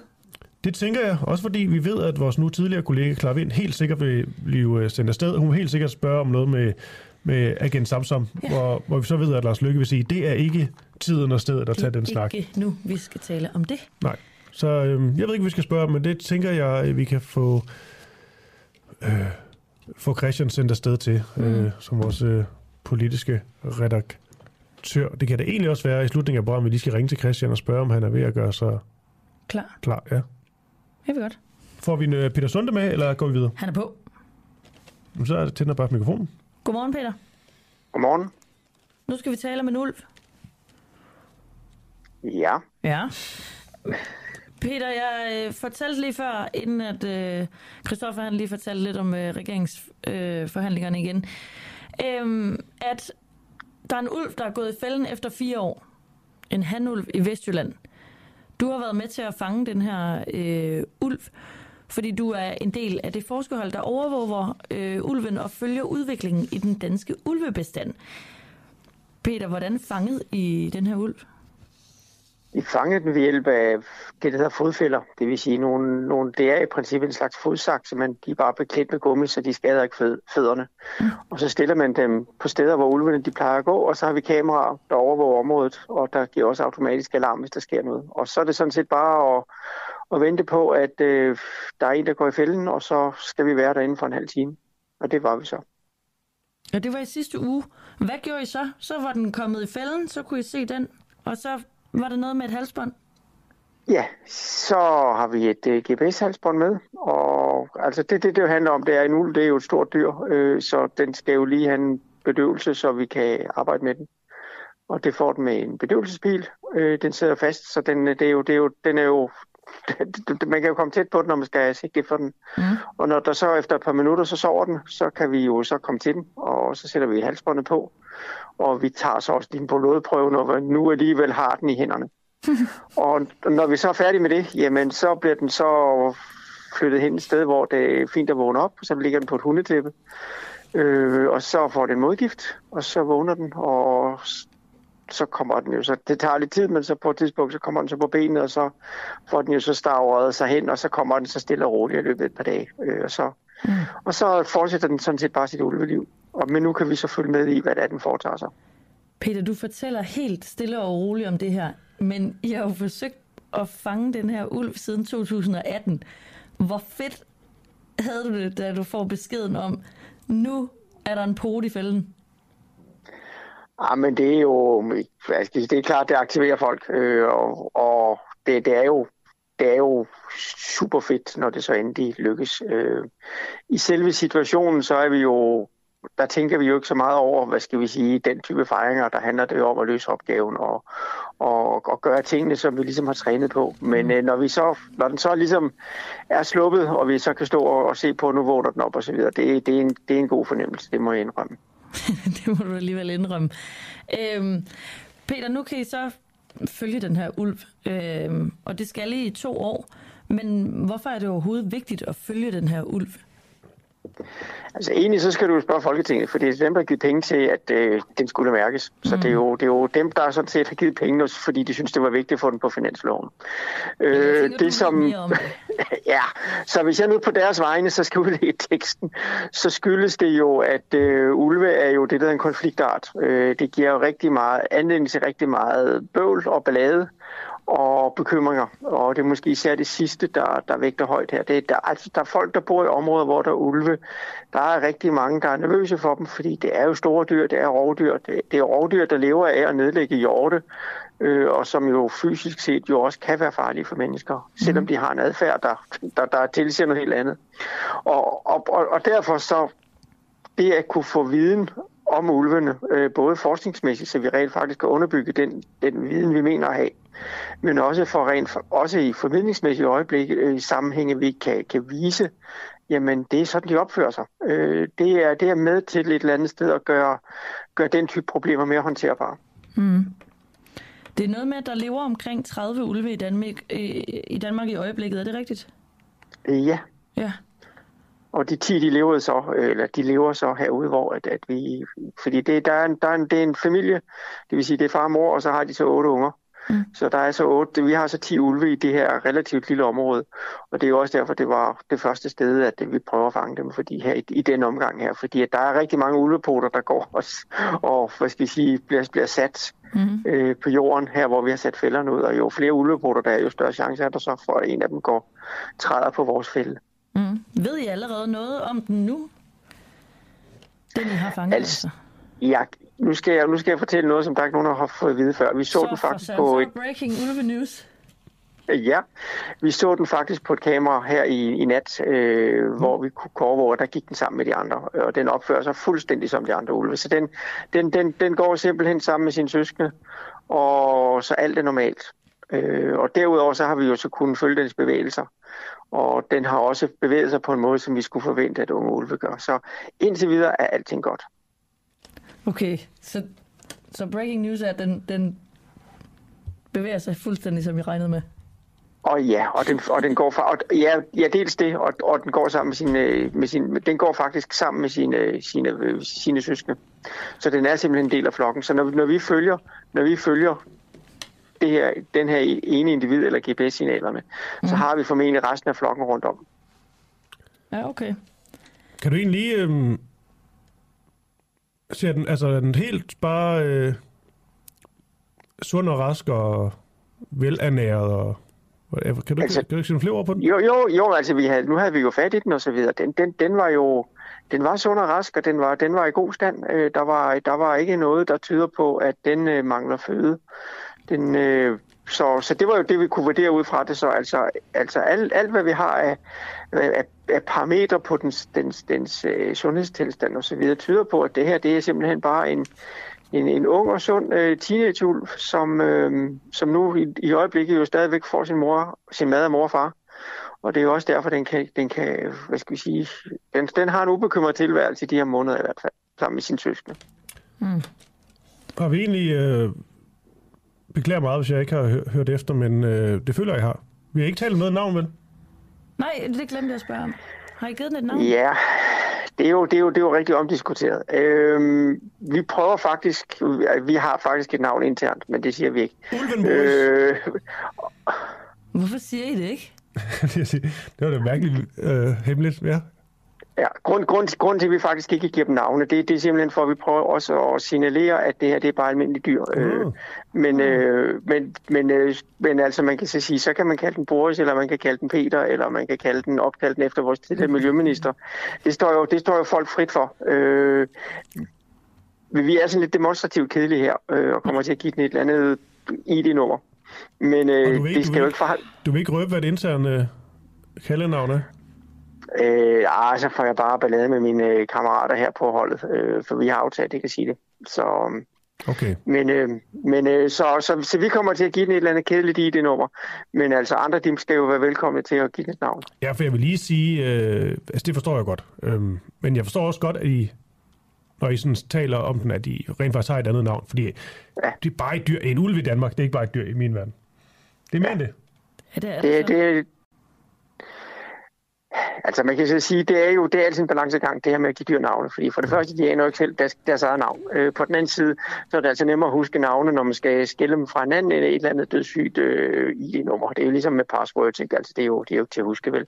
Øh, så, så det, er, det er en balancegang. Øhm, og det er også derfor, som sagt, vi, vi, vi, vi, vi, vi kalder dem jo ofte noget andet end deres, deres, deres nummer, fordi det er nemmere at huske. Det, men, men der er også den risiko der med, at så begynder folk at, personalisere, at, ligesom at personificere dem, sådan, så man begynder at, at, at, ligesom at, at tillægge dem forskellige menneskelige egenskaber. Og der vil vi jo som, som biologer jo gerne ligesom sende det her signal, at det her det er dyr som alle mulige andre. Øhm, det kunne lige så godt have været en rev eller en grævling, vi har gjort det her med. Så, så det, er, det er sådan en, en pædagogisk balancegang. Jeg kan udmærket godt forstå, at øh, folk de gerne vil give et navn. Ja, men altså, øh, vi kan kalde den Boris, og så øh, kan vi lade være med at udfritte dig for jeres øh, interne ja. Det er, jo, det, er jo i hvert fald, det er jo i hvert fald nemt at huske, og det er jo i hvert fald også noget, der, der hænger godt sammen med, med, hvad skal vi sige, stedet, hvor den er blevet fanget. Ja, præcis. Nå, men øh, det bliver spændende at se, hvad øh, I finder ud af de næste to år. Det er noget med det her halsbånd, I har sat på. Skal, skal det, det skal vel af igen? Det skal igen, og det, det, det, kommer, det, kommer, det er faktisk ikke helt to år. Det, det er programmeret til, at det sidder der nu i 90 uger.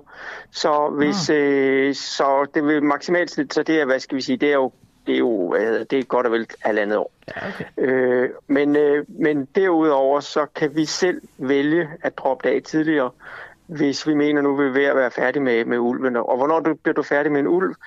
Det gør du, når der når, fordi vi vil jo, altså ideelt set, så skulle sådan et halsbånd jo bare blive ved med at sidde og sende, sende data, men øh, problemet er, at på et tidspunkt, så begynder det at løbe tør for strøm.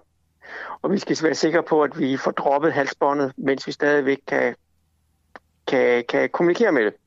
Så det er jo lidt det der med, det, det er lidt det samme som det der med at skulle kommunikere med en eller anden Mars rover, der, der, der hvad skal vi sige, langt væk. At øh, vi, vi, vi, vi er nødt til at gøre det, der skal gøres, mens der stadigvæk er strøm på systemet. Ja. Og, jo, og præcis hvornår det sker, det kommer lidt an på, hvor intensivt vi logger. Fordi hvis vi skal lave mange af de her eksperimenter, hvor vi skal have, have tætte data, så skal vi have mange positioner. Og så bruger vi batteriet tidligere.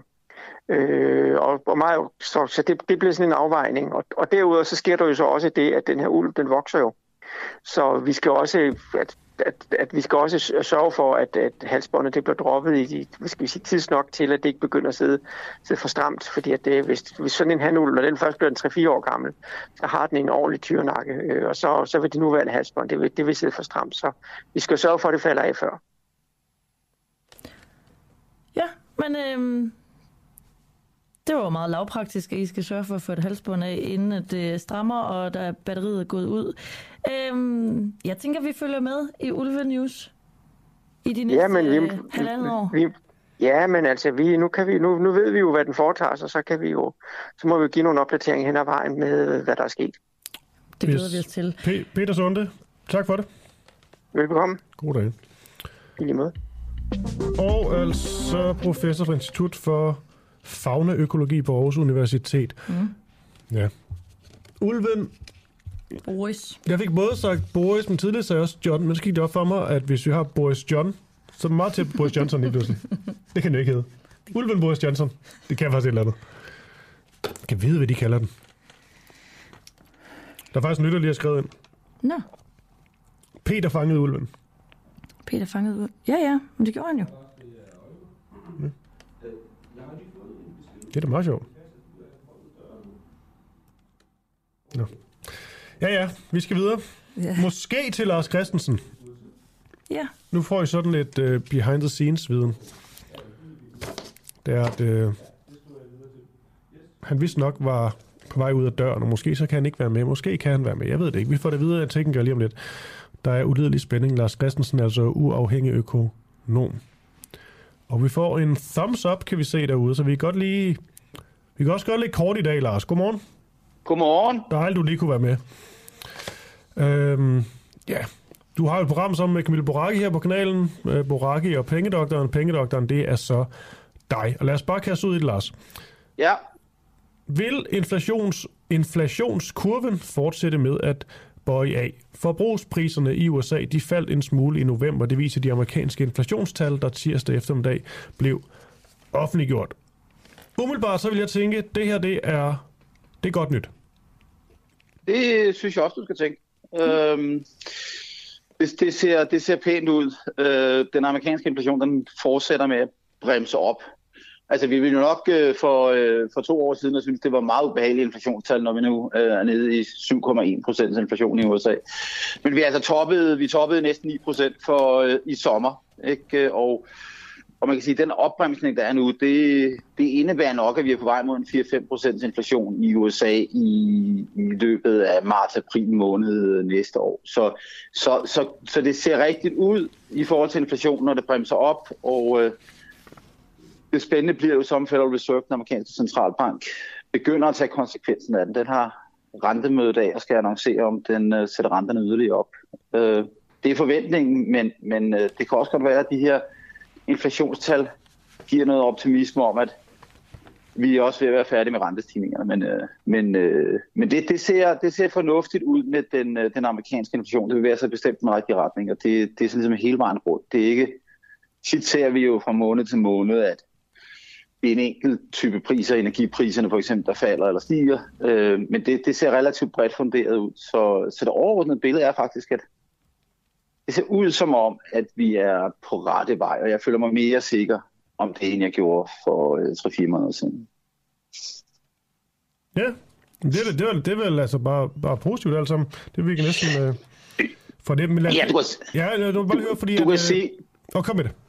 Ja, den, den, altså den store udfordring er selvfølgelig, at hvis, øh, hvis nu den amerikanske økonomi begynder at bremse op øh, for alvor, øh, og det er der jo en, det er der en betydelig bekymring for, stopper Federal Reserve så med, med de her pengepolitiske stramninger for tidligt, og begynder inflationen så at bevæge sig op igen. Der er jo stadig masser af penge i omløb i amerikansk økonomi, og 7,1 procent inflation er jo altså fortsat ganske høj, og man kan sige, hvis man kigger på væksten fra den ene måned til den anden, så, så er det ikke sådan, at vi er tilbage på at sige, at nu har vi vundet, nu er vi nede på 2%. Og, og der er jo en risiko for, at man så at sige siger, at nu er vi nede, nu går det den rigtige retning, og nu er vi nede på 5% inflation, må ikke øh, vi skal begynde at stille os tilfreds med det. Og så kommer vi nok ikke så hurtigt ned på de to. Jeg tror faktisk, det er udfordringen. Det er, det er måske relativt let at komme ned mod, mod de 4-5 procent øh, i løbet af det næste øh, kvartal eller halvanden derfra, så synes jeg, det bliver, det bliver, en mere, det bliver noget mere udfordrende.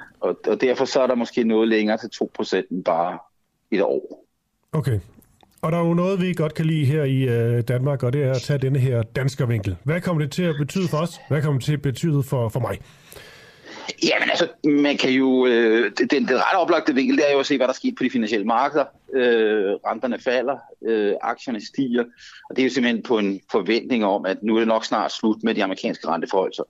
Øh, og det hjælper jo global økonomi, det hjælper også dansk økonomi. Men desværre så er inflationsbilledet jo lidt anderledes i Europa. Øh, der er det sværere at sige, at pilen sådan for alvor rigtig er peget nedad. Nu fik vi jo tidligere den her uge danske inflationstal, og der, de faldt også pænt, men det var andre årsager. Så, så vi kan ikke helt sige, at vi har den samme nedadgående trend i inflationen i Danmark, som vi har i, øh, i USA, der har vi heller ikke i Europa generelt. Så det er lidt mere udfordrende. Øh, men, men, øh, men modsat, da, da inflationen kørte op, så var der cirka et halvt til et helt års vil sige, lead fra USA, at inflationen steg tidligere i USA. Hvis vi skal følge det mønster, så skal inflationen begynde at bøje af Danmark om, øh, om en 4-5 måneder sådan rigtig for alvor. Øh, det kan godt være, at det kommer, det kommer tidligere, men, men, øh, men der, er vi, øh, der er vi lidt mere ude i, øh, i de vilde gæt, vil jeg sige. Øh, jeg synes, det er for tidligt at sige, at vi sådan rigtig er på vej i den rigtige retning i Europa. Mm. Så kommer, kommer inflationskurven til at fortsætte med at bøje af, eller er det bare sådan noget, vi må vente og se? Nej, altså i USA er der, er der næppe nogen tvivl om det. Jeg tror også, at vi er troppet på inflationen i, i Danmark og Europa. Mm. Men vi er, ikke, vi er ikke i mål endnu. Altså, vi er slet, slet ikke i mål endnu. Hvad er målet og, egentlig? Ja, det er at komme ned på 2%. Det er både den europæiske centralbanks målsætning og, og den amerikanske centralbanks målsætning.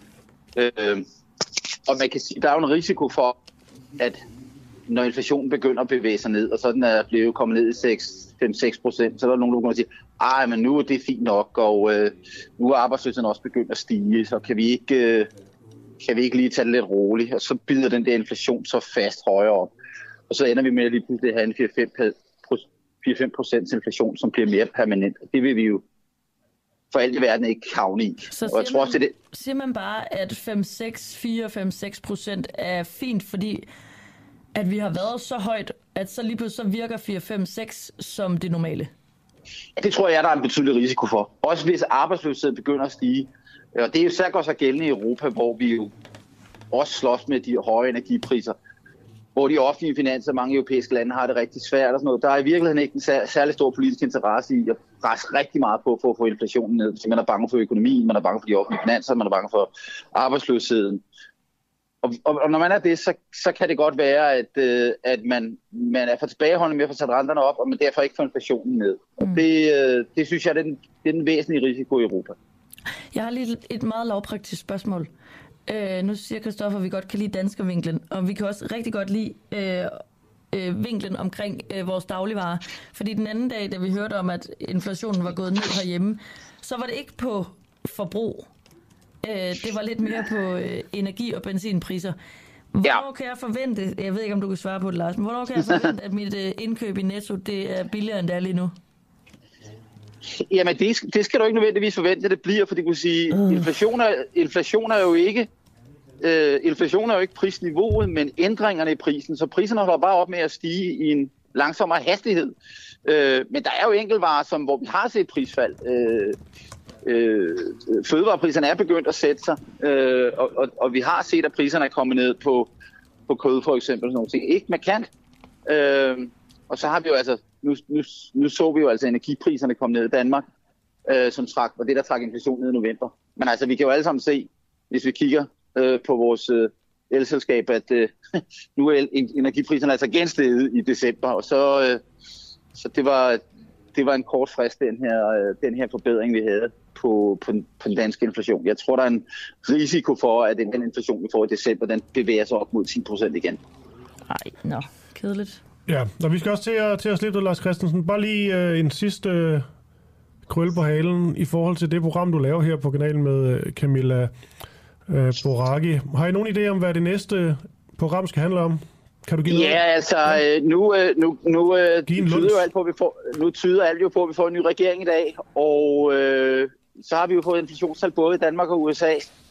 Ja. Og øh, må, må ikke de to forhold kommer til at være øh, hovedelementet i fredagens program. Vi indspiller det faktisk i aften, så det er det, der bliver, der bliver fokus. Og så vil jeg afsløre, at i næste uge, der vil vi fortælle, hvorfor at der er toiletpapir, toiletpapir i butikkerne.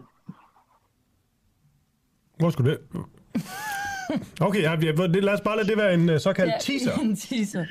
Det er det store økonomiske spørgsmål. Nå. Den, øh, det, det er næste fredag. Men øh, den her fredag tager vi altså regeringsgrundlag og inflation. Perfekt. Okay. Tak for det, Lars. God dag. Ja, tak. Hej. Ja. Er det der ikke, fordi vi har brug for det? Altså, jeg Nej, tror bare, vi lader, vi, lader det, vi lader det stå som en... Øh, så kan man sidde på kanten af sædet de næste, næste halvanden uge Ja. og vente på det svar. Fedt, fedt. Klokken den er, blevet, øh, den er blevet halv ni. Det betyder, at vi lige har en halv time tilbage af dagens øh, program. Klokken 12 så er der indkaldt til, øh, til pressemøde. Regeringsgrundlaget øh, grundlaget det skal præsenteres, det vil sige, det er altså ikke ministerne, vi får præsenteret. Det er først i morgen. Men altså, vi får ligesom grundlaget præsenteret, og så får vi jo bare, det bliver det vidunderligt. Mette Frederiksen, Jakob Ellemann Jensen og Lars, undskyld, jeg vil ikke være Jo, det var godt. Lars fucking Løkke Rasmussen, der skal stå sammen. Ja. Og de er blevet enige nu. Det er da vidunderligt. Sådan Lars. Lars Lykke efter den her magtkamp i Venstre, Jakob ja. Ellemann Jensen. Jakob Ellemann Jensen nærmest sådan en gammel, sådan alfaderlig skikke, som han har til Lars Lykke. Endelig brugt ud af det, af de lænker. Og nu er de tilbage. Nu- Sammen med Mette Frederiksen. Jeg har lyst til at sige... Gud, jeg har lyst til at råbe lidt mere. Jeg synes, folk tager det lidt for roligt. Sådan, Jamen, det er da en historisk beslutning, og nu kan man tale om, at rød blok og blå blok slet ikke findes længere. Og sådan. Kan vi ikke bare altså, råbe det lidt op? Det kan vi godt. Jeg ved ikke, om det er en god eller dårlig ting. Jeg synes bare, det er helt vildt. Jeg synes, det Ja, er jeg tror sindssygt. også, jeg synes, det er... Ja. En ting med alle de her løftebrud, så kan vi blive faret over det og så videre, men altså bare tanken om de tre jegner der, som nu er gået sammen til at lede Det er, Danmark. så godt, det er simpelthen så godt et udtryk, og det bliver et perfekt familiefoto. Ja. Jeg ved slet ikke, hvad vi skal nu.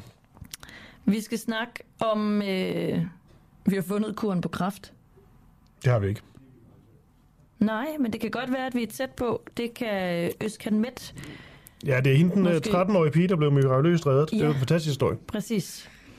Og øh, derfor så har vi ringet til Øskan Met, der er seniorforsker ved Herlev Hospital. Fordi at, øh, hun skal hjælpe os med at svare på spørgsmålet, om vi har fundet kuren på kraft. Ja. Skal jeg lige hurtigt give sådan helt kort, historien kort, bare lige til dem, der ikke er helt Ja. up to date. Det er den her 13-årige teenagepige, som har været hårdt ramt af sådan en aggressiv form for leukemi, mm. øh, og simpelthen blevet opgivet i den her forbindelse med den traditionelle kræftbehandling. Og det betyder groft sagt, at øh, pigen ville dø. Ja. Og det vil nok gå stærkt. Men hun er nu sygdomsfri seks måneder efter at have modtaget en ny form for kræftbehandling. Vild historie. Øskan Vett, godmorgen. Ja, godmorgen. Denne her 13-årige teenagepige, som bliver gjort sygdomsfri, det lyder jo sådan helt øh, mirakul Mirakel. ja, præcis mirakuløs, men øh, det er jo ikke bare et mirakel, det er jo noget lægevidenskabeligt, der har gjort det her. Hvad er det, der er sket? Uh, ja, altså, det er jo... Uh, altså, hun, er, hun er blevet helbredt af, af, af T-celler, som hun har fået fra en donor. Uh, og det, man kan sige, den her behandlingsform øh, bygger på nogle på de her nyere øh, celleterapi-former, hvor man anvender patientens egen T-celler, altså T-celler fra immunsystemet til at, at øh, bekæmpe kræften. Øh, problemet med den her patient eller den her sygdom, øh, her, det er, at, at der kræften ligger i de T-celler.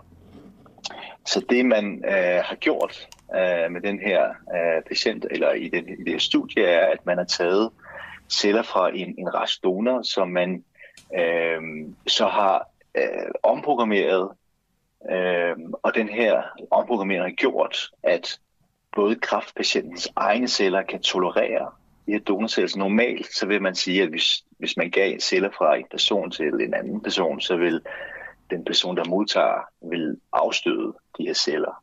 Men det gør, det, det gør de så ikke her, fordi at de har brugt en meget, meget sofistikeret øh, genmodifikationsmetode øh, til både at udstyre de her celler, så de kan dræbe cancercellerne, men samtidig med, at de øh, bliver afstødt af, af kræftpatienten. Og, så det, og det er det, der er lige, egentlig er hele humlen her, fordi at, at man har set tidligere, at man har uh, kunne uh, helbrede uh, svært syge kræftpatienter med T-celler. Men, men det specielle er, at man ikke har brugt patienten, patientens egne T-celler. Nu er der blevet sagt T-celler rigtig mange gange, uden at Ja. det bliver alt for teknisk. så tror jeg ikke, jeg er den eneste, der sidder og lytter med og tænker, hvad er det lige, det er? Jamen T-celler er, altså, det er, jo, det er en del, det er nogle vigtige celler i vores immunsystem, som, mm-hmm. hvor man kan sige, øh, altså, som, som, som for, altså, hjælper os med ikke at dø af sygdom. Okay.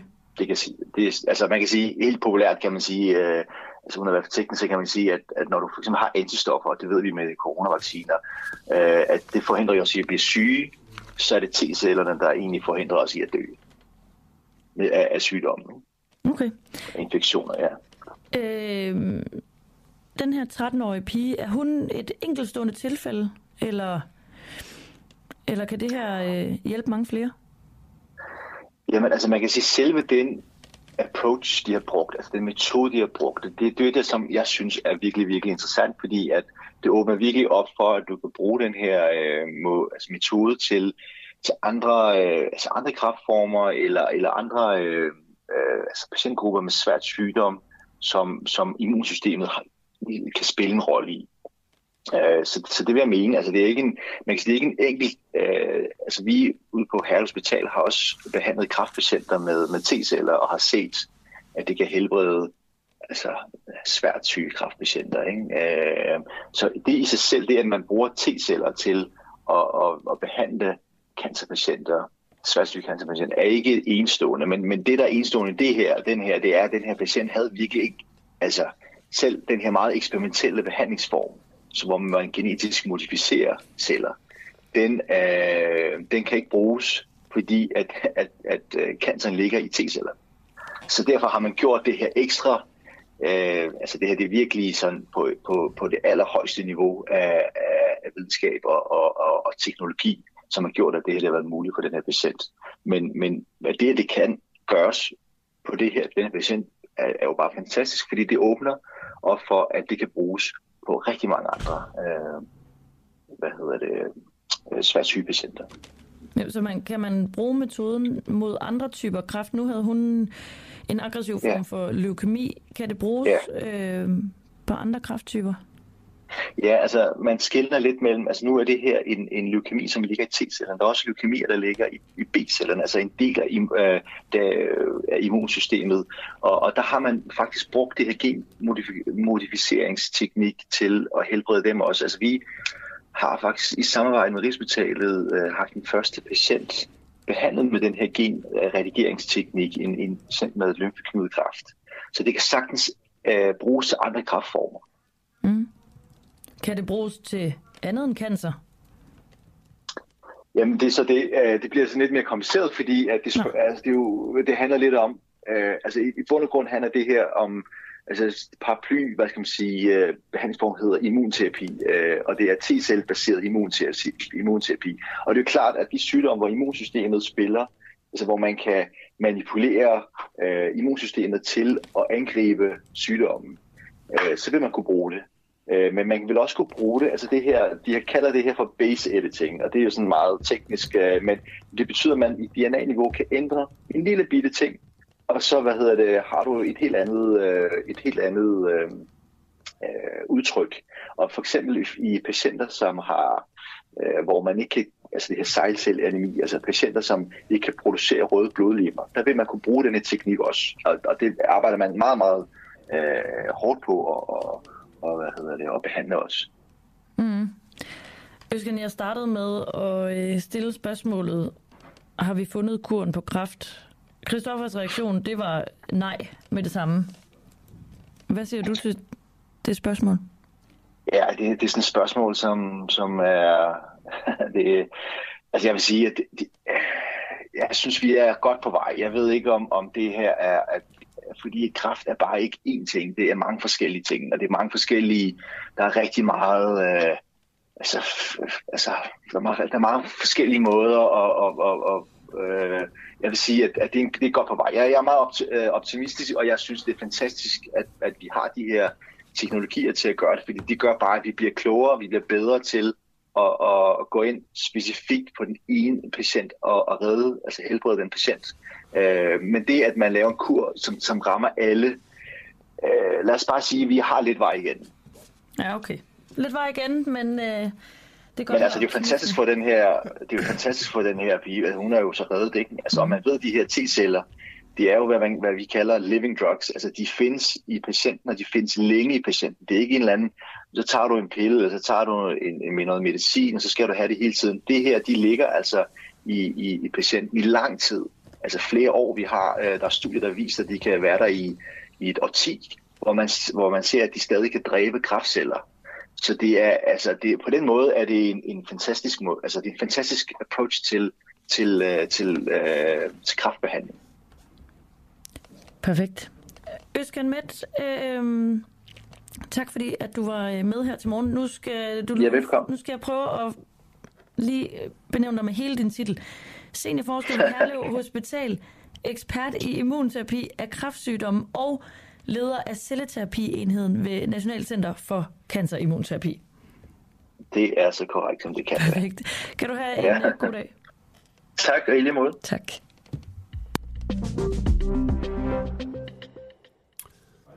Ja, klokken 8.40. Jakob Korsbro, han er med lige om et kort øjeblik. Senioranalytiker i Tænketanken Europa og tidligere chefanalytiker i FE. Vi skal finde ud af, om Ukraine har angrebet Rusland, fordi ifølge nyhedsbureauet Reuters, der er Ukraine begyndt at sende missiler ind i Rusland natten til tirsdag ved byen Klinski. Klinski, tror jeg den hedder. Og det er vel... Umiddelbart ville jeg tænke, at det var en... Øh, at det var noget nyt i forhold til den her krig. Altså at Ukraine ligesom skulle være sådan aggressivt, angribende. Så er det dem, der lige, lige pludselig bliver øh, aggressoren. Der er jo selvfølgelig ikke i det, store, øh, i det store spil, men alligevel så er det dem, der så ligesom angriber på øh, russisk territorium.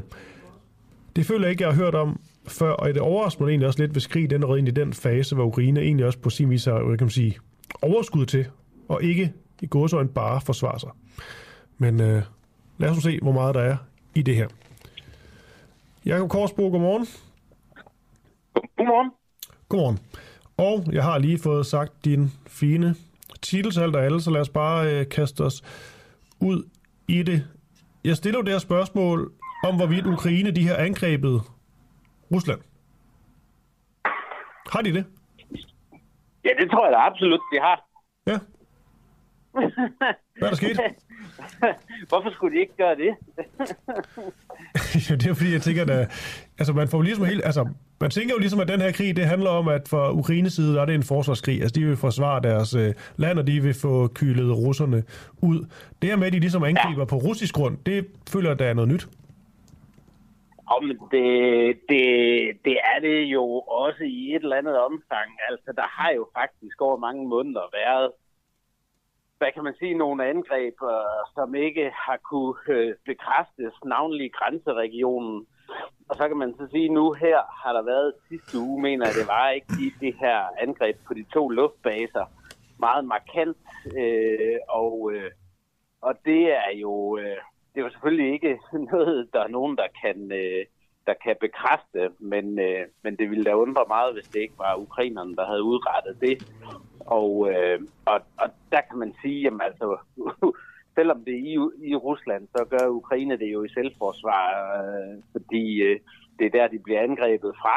Øh, mm. Man kunne sige, øh, kunne der ikke også være en idé at få, øh, få angrebet nogle af de støttepunkter, som russerne har inde i Belarus, men, men der kan man så sige fra Ukrains side, det er der formentlig ikke en interesse i, fordi så skubber man jo også til, om Belarus vil gå ind i øh, krigen på den russiske side. Så, så, så det der, er en lille forskel. Okay, og det man jo så øh, går efter, det er militære mål. Hvad nu, hvis man med sådan nogle missilangreb øh, skyder ind på russisk øh, grund, og så øh, rammer og dræber civile? Er det så, øh, altså kan Urin så stå til ansvar på eksempelvis noget som, øh, som krigsforbrydelser, hvis, øh, hvis, det, hvis det går helt galt?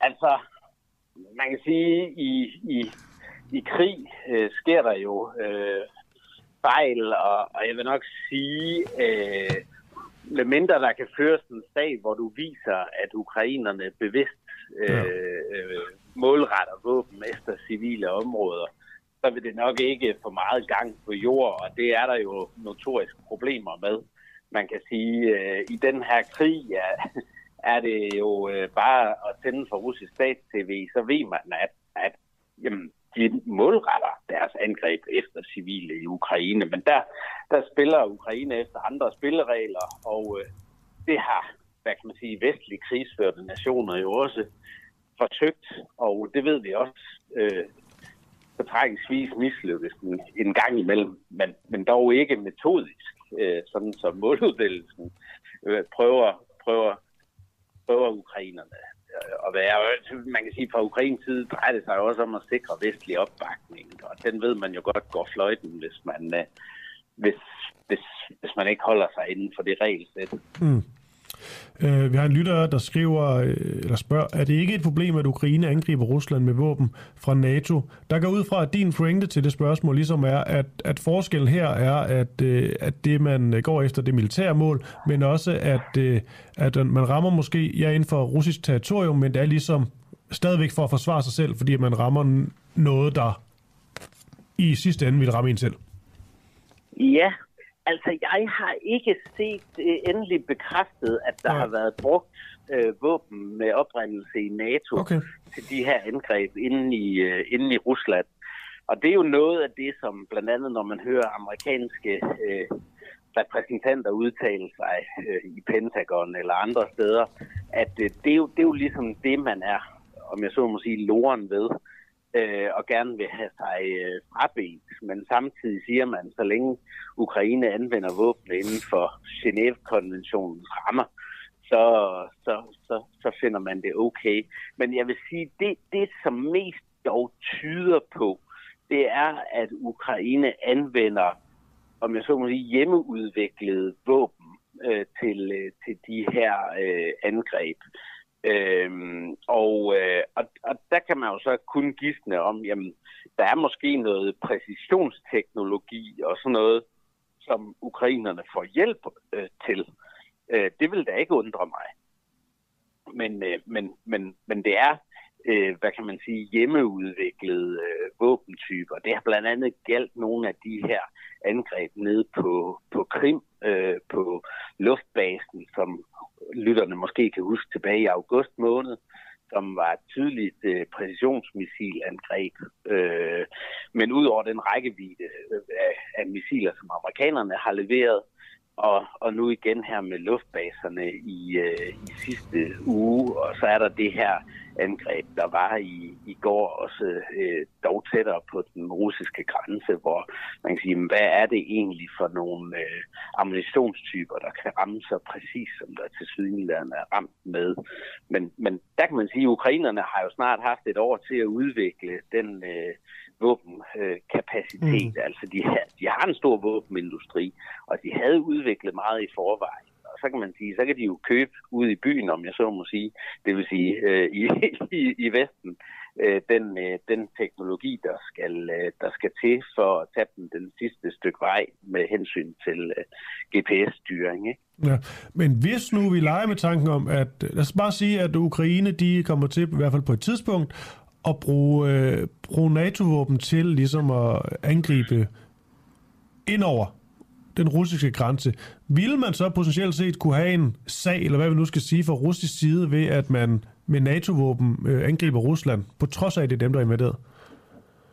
Øh, altså, jeg tror, at øh, mange i Vesten, nu tør jeg ikke sige, hvordan mm. Biden-administrationen ville takle det, men mange i Vesten vil sige, jamen, hey, Rusland, I skyder jo iranske droner ind i, ind i Ukraine og mod, mod ukrainske øh, civile områder. Ja. Og det har de blandt andet gjort her til morgen i Kiev. Øh, 12, øh, 12 øh, iranske droner.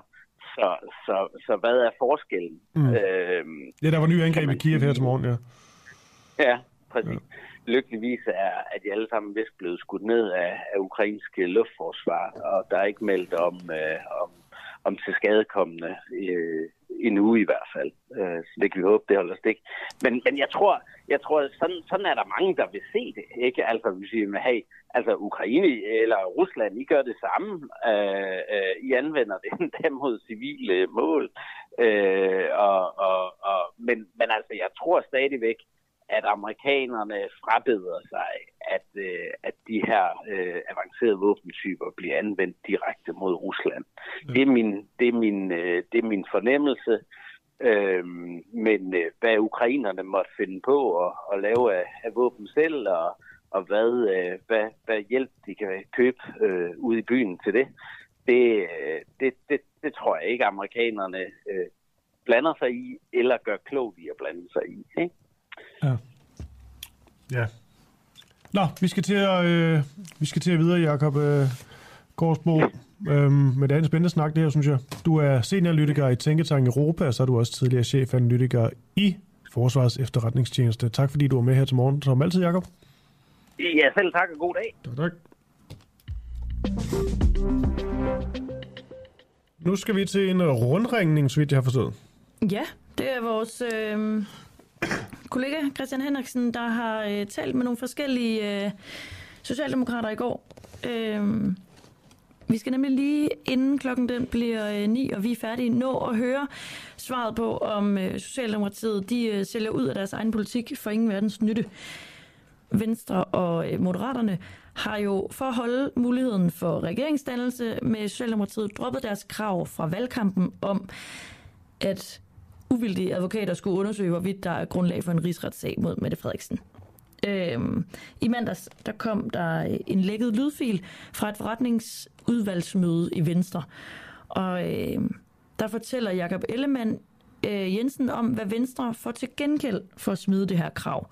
Han siger blandt andet, at de øh, vil kunne få noget på CO2-afgiften og øh, topskattelettelser.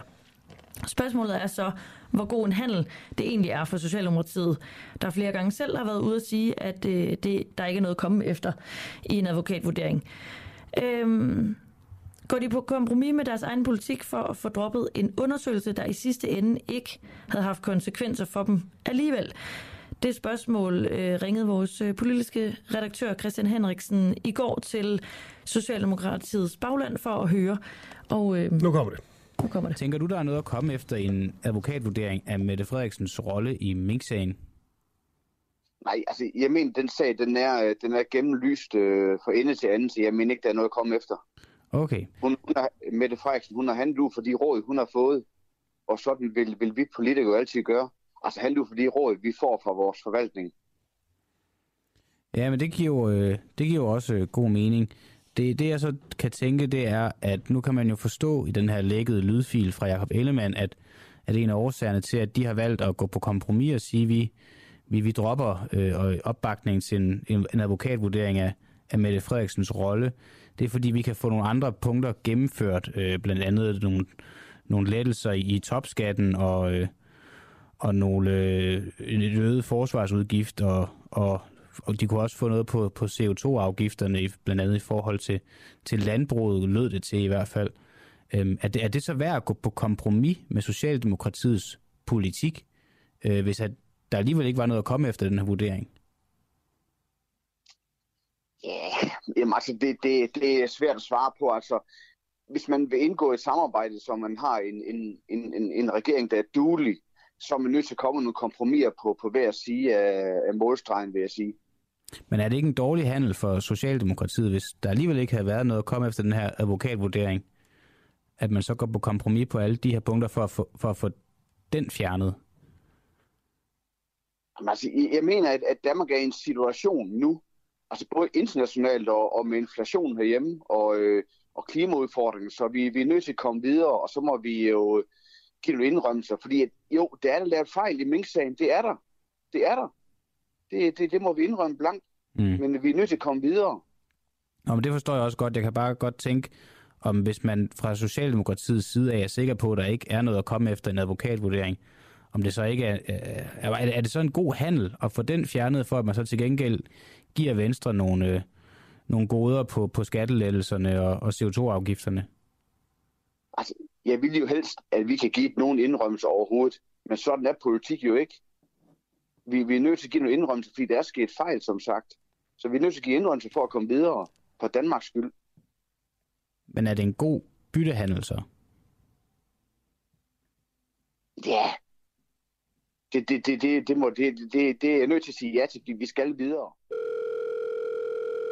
Det jeg vil øh, spørge dig om, det er, om du tænker, der er noget at komme efter i en advokatvurdering af Mette Frederiksens rolle i Mink-sagen? Nej, det tror jeg ikke. Jeg stoler sådan set på de juraprofessorer, der har udtalt om det, og som afviser, at der er noget at komme efter. Som man kan forstå på Jakob Ellemann, så er øh, en af årsagerne til, at Venstre nu har valgt at, at droppe opbakningen til en advokatvurdering, det er, at man kan få nogle kompromiser, blandt andet på, på CO2-afgifterne og skattelettelserne, blandt andet skattelettelser i topskatten. Hvis ikke der er noget at komme efter i den her advokatvurdering, er det så en god handel, Mette Frederiksen har gjort sig her? Jamen, nu kan jeg jo ikke vide, hvad det konkrete indhold er. Øh, sætter du noget om ændrede CO2-kvoter, eller hvad sagde du? Ja, altså det, han er i hvert fald bare i det her, der er jo den her lækkede øh, lydfil her, og der kan man forstå, at, at de kan få noget på CO2-afgifterne, og de kan få noget på, på skattelettelserne. De kan, altså det, det, det er nogle steder, hvor at Venstre kan få noget af deres politik gennemført. Og øh, så tænker jeg bare, hvis, hvis ikke der var noget at komme efter den her advokatvurdering, og hvis man fra Socialdemokratiets side af heller ikke selv tænkte, der var det, om det så var en, en god handel at, at, at, at, at gå på kompromis med noget af sin politik for at få, for at få den fjernet? Jeg tror sådan set ikke, at der er noget behov for os for at få den fjernet. Den er bare nytteløs. Jeg tror da nærmere, det er Venstre, der skal klatre ned fra et eller andet træ. Øh, så, så det er jo deres behov for at komme fri af en stemning, de har skabt, og nogle forventninger, de har skabt i valgkamp.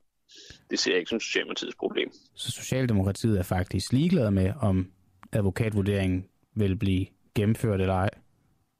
Ja, det er der i hvert fald personligt. Øh, jeg tænker, det vil være spild af tid og, og ressourcer. Øh, men, men, men jeg stoler sådan set på de juridiske vurderinger, der er blevet lavet, øh, og betragter det dybest set som en gang øh, valgkampsplader. Men det lyder bare på Jacob Ellemann, som, og det kan du selvfølgelig ikke øh, svare på, men det lyder som om, at, at for at han ligesom har gået med til at fjerne den her, skulle de have nogle andre ting igennem. Havde det været bedre for Socialdemokratiet at holde fast i, at man, lad os nu bare sige, at I holder fast i jeres advokatvurdering af, af, af mig, Mette Frederiksen, men I kan, altså- så kan I til gengæld ikke få noget på skattelettelserne. Så er man nok ikke for nogen regeringsdeltagelse. Ved du hvad, det er, så, det er jo et juridisk spørgsmål, så det vil jeg ikke svare på. Det er simpelthen ikke øh, skarpt nok på, på det, om der er noget at komme efter en advokatundersøgelse. Nej. Det, den, den, øh, det, det, det skal sgu være en jurist, der vil udtale mig om det. Hvis du, hvis du spurgte mig på samme måde om, øh, hvordan man reparerer en cykel, så ville jeg have betydeligt mere uh, viden om det okay. pædagogiske spørgsmål. Det er de uddannelser, jeg har. Er du glad for, at den er blevet, at Venstre har fjernet deres opbakning til en advokatvurdering af Mette Frederiksen? Ja, det er fordi at øh, nu, nu, nu arbejder vi på at få en, en bred regering, og så er det åbenlyst for begge sider, både borgerlige og den midterfløjen i politik, at man kan ikke man kan ikke have en undersøgelse af, af statsministeren kørende, og man kan heller ikke have den der FE-sag kørende. Så, så er der det for meget, godt. der forstyrrer billedet ved det. Ja, og det kan jeg godt forstå. Det kunne bare godt, det kunne godt lyde på Jacob Ellemann. Rent, rent praktisk politisk, så vil det være øh, umuligt at komme videre, hvis man har de sager hængende over, over hovedet.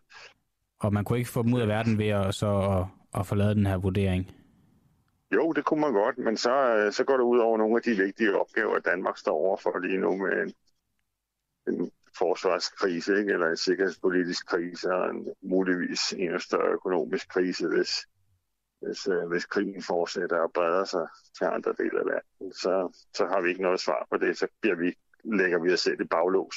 Hvis, hvis, hvis du havde spurgt mig for fire år siden, så havde jeg svaret anderledes. Ja, ja men det er rigtigt. Verdensbilledet har jo, har jo ændret sig. Verdensbilledet er anderledes. Det er, det er blevet, jeg vil ikke sige bagateller, men det er blevet sager, man er nødt til at lægge lidt til side.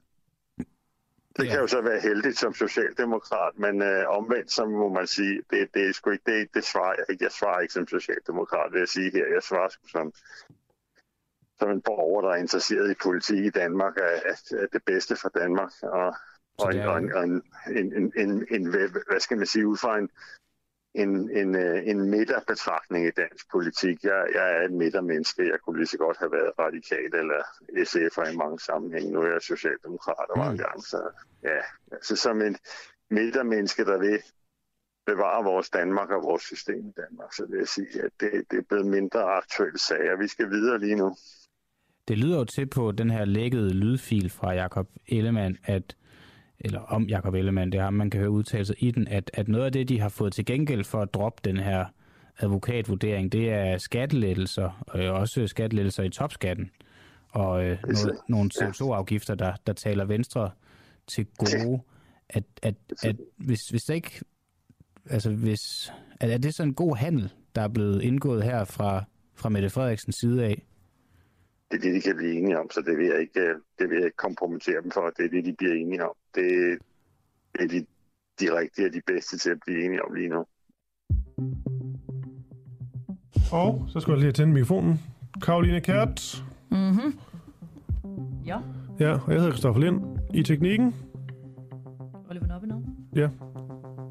Det var alt for i dag. Det var alt for i dag.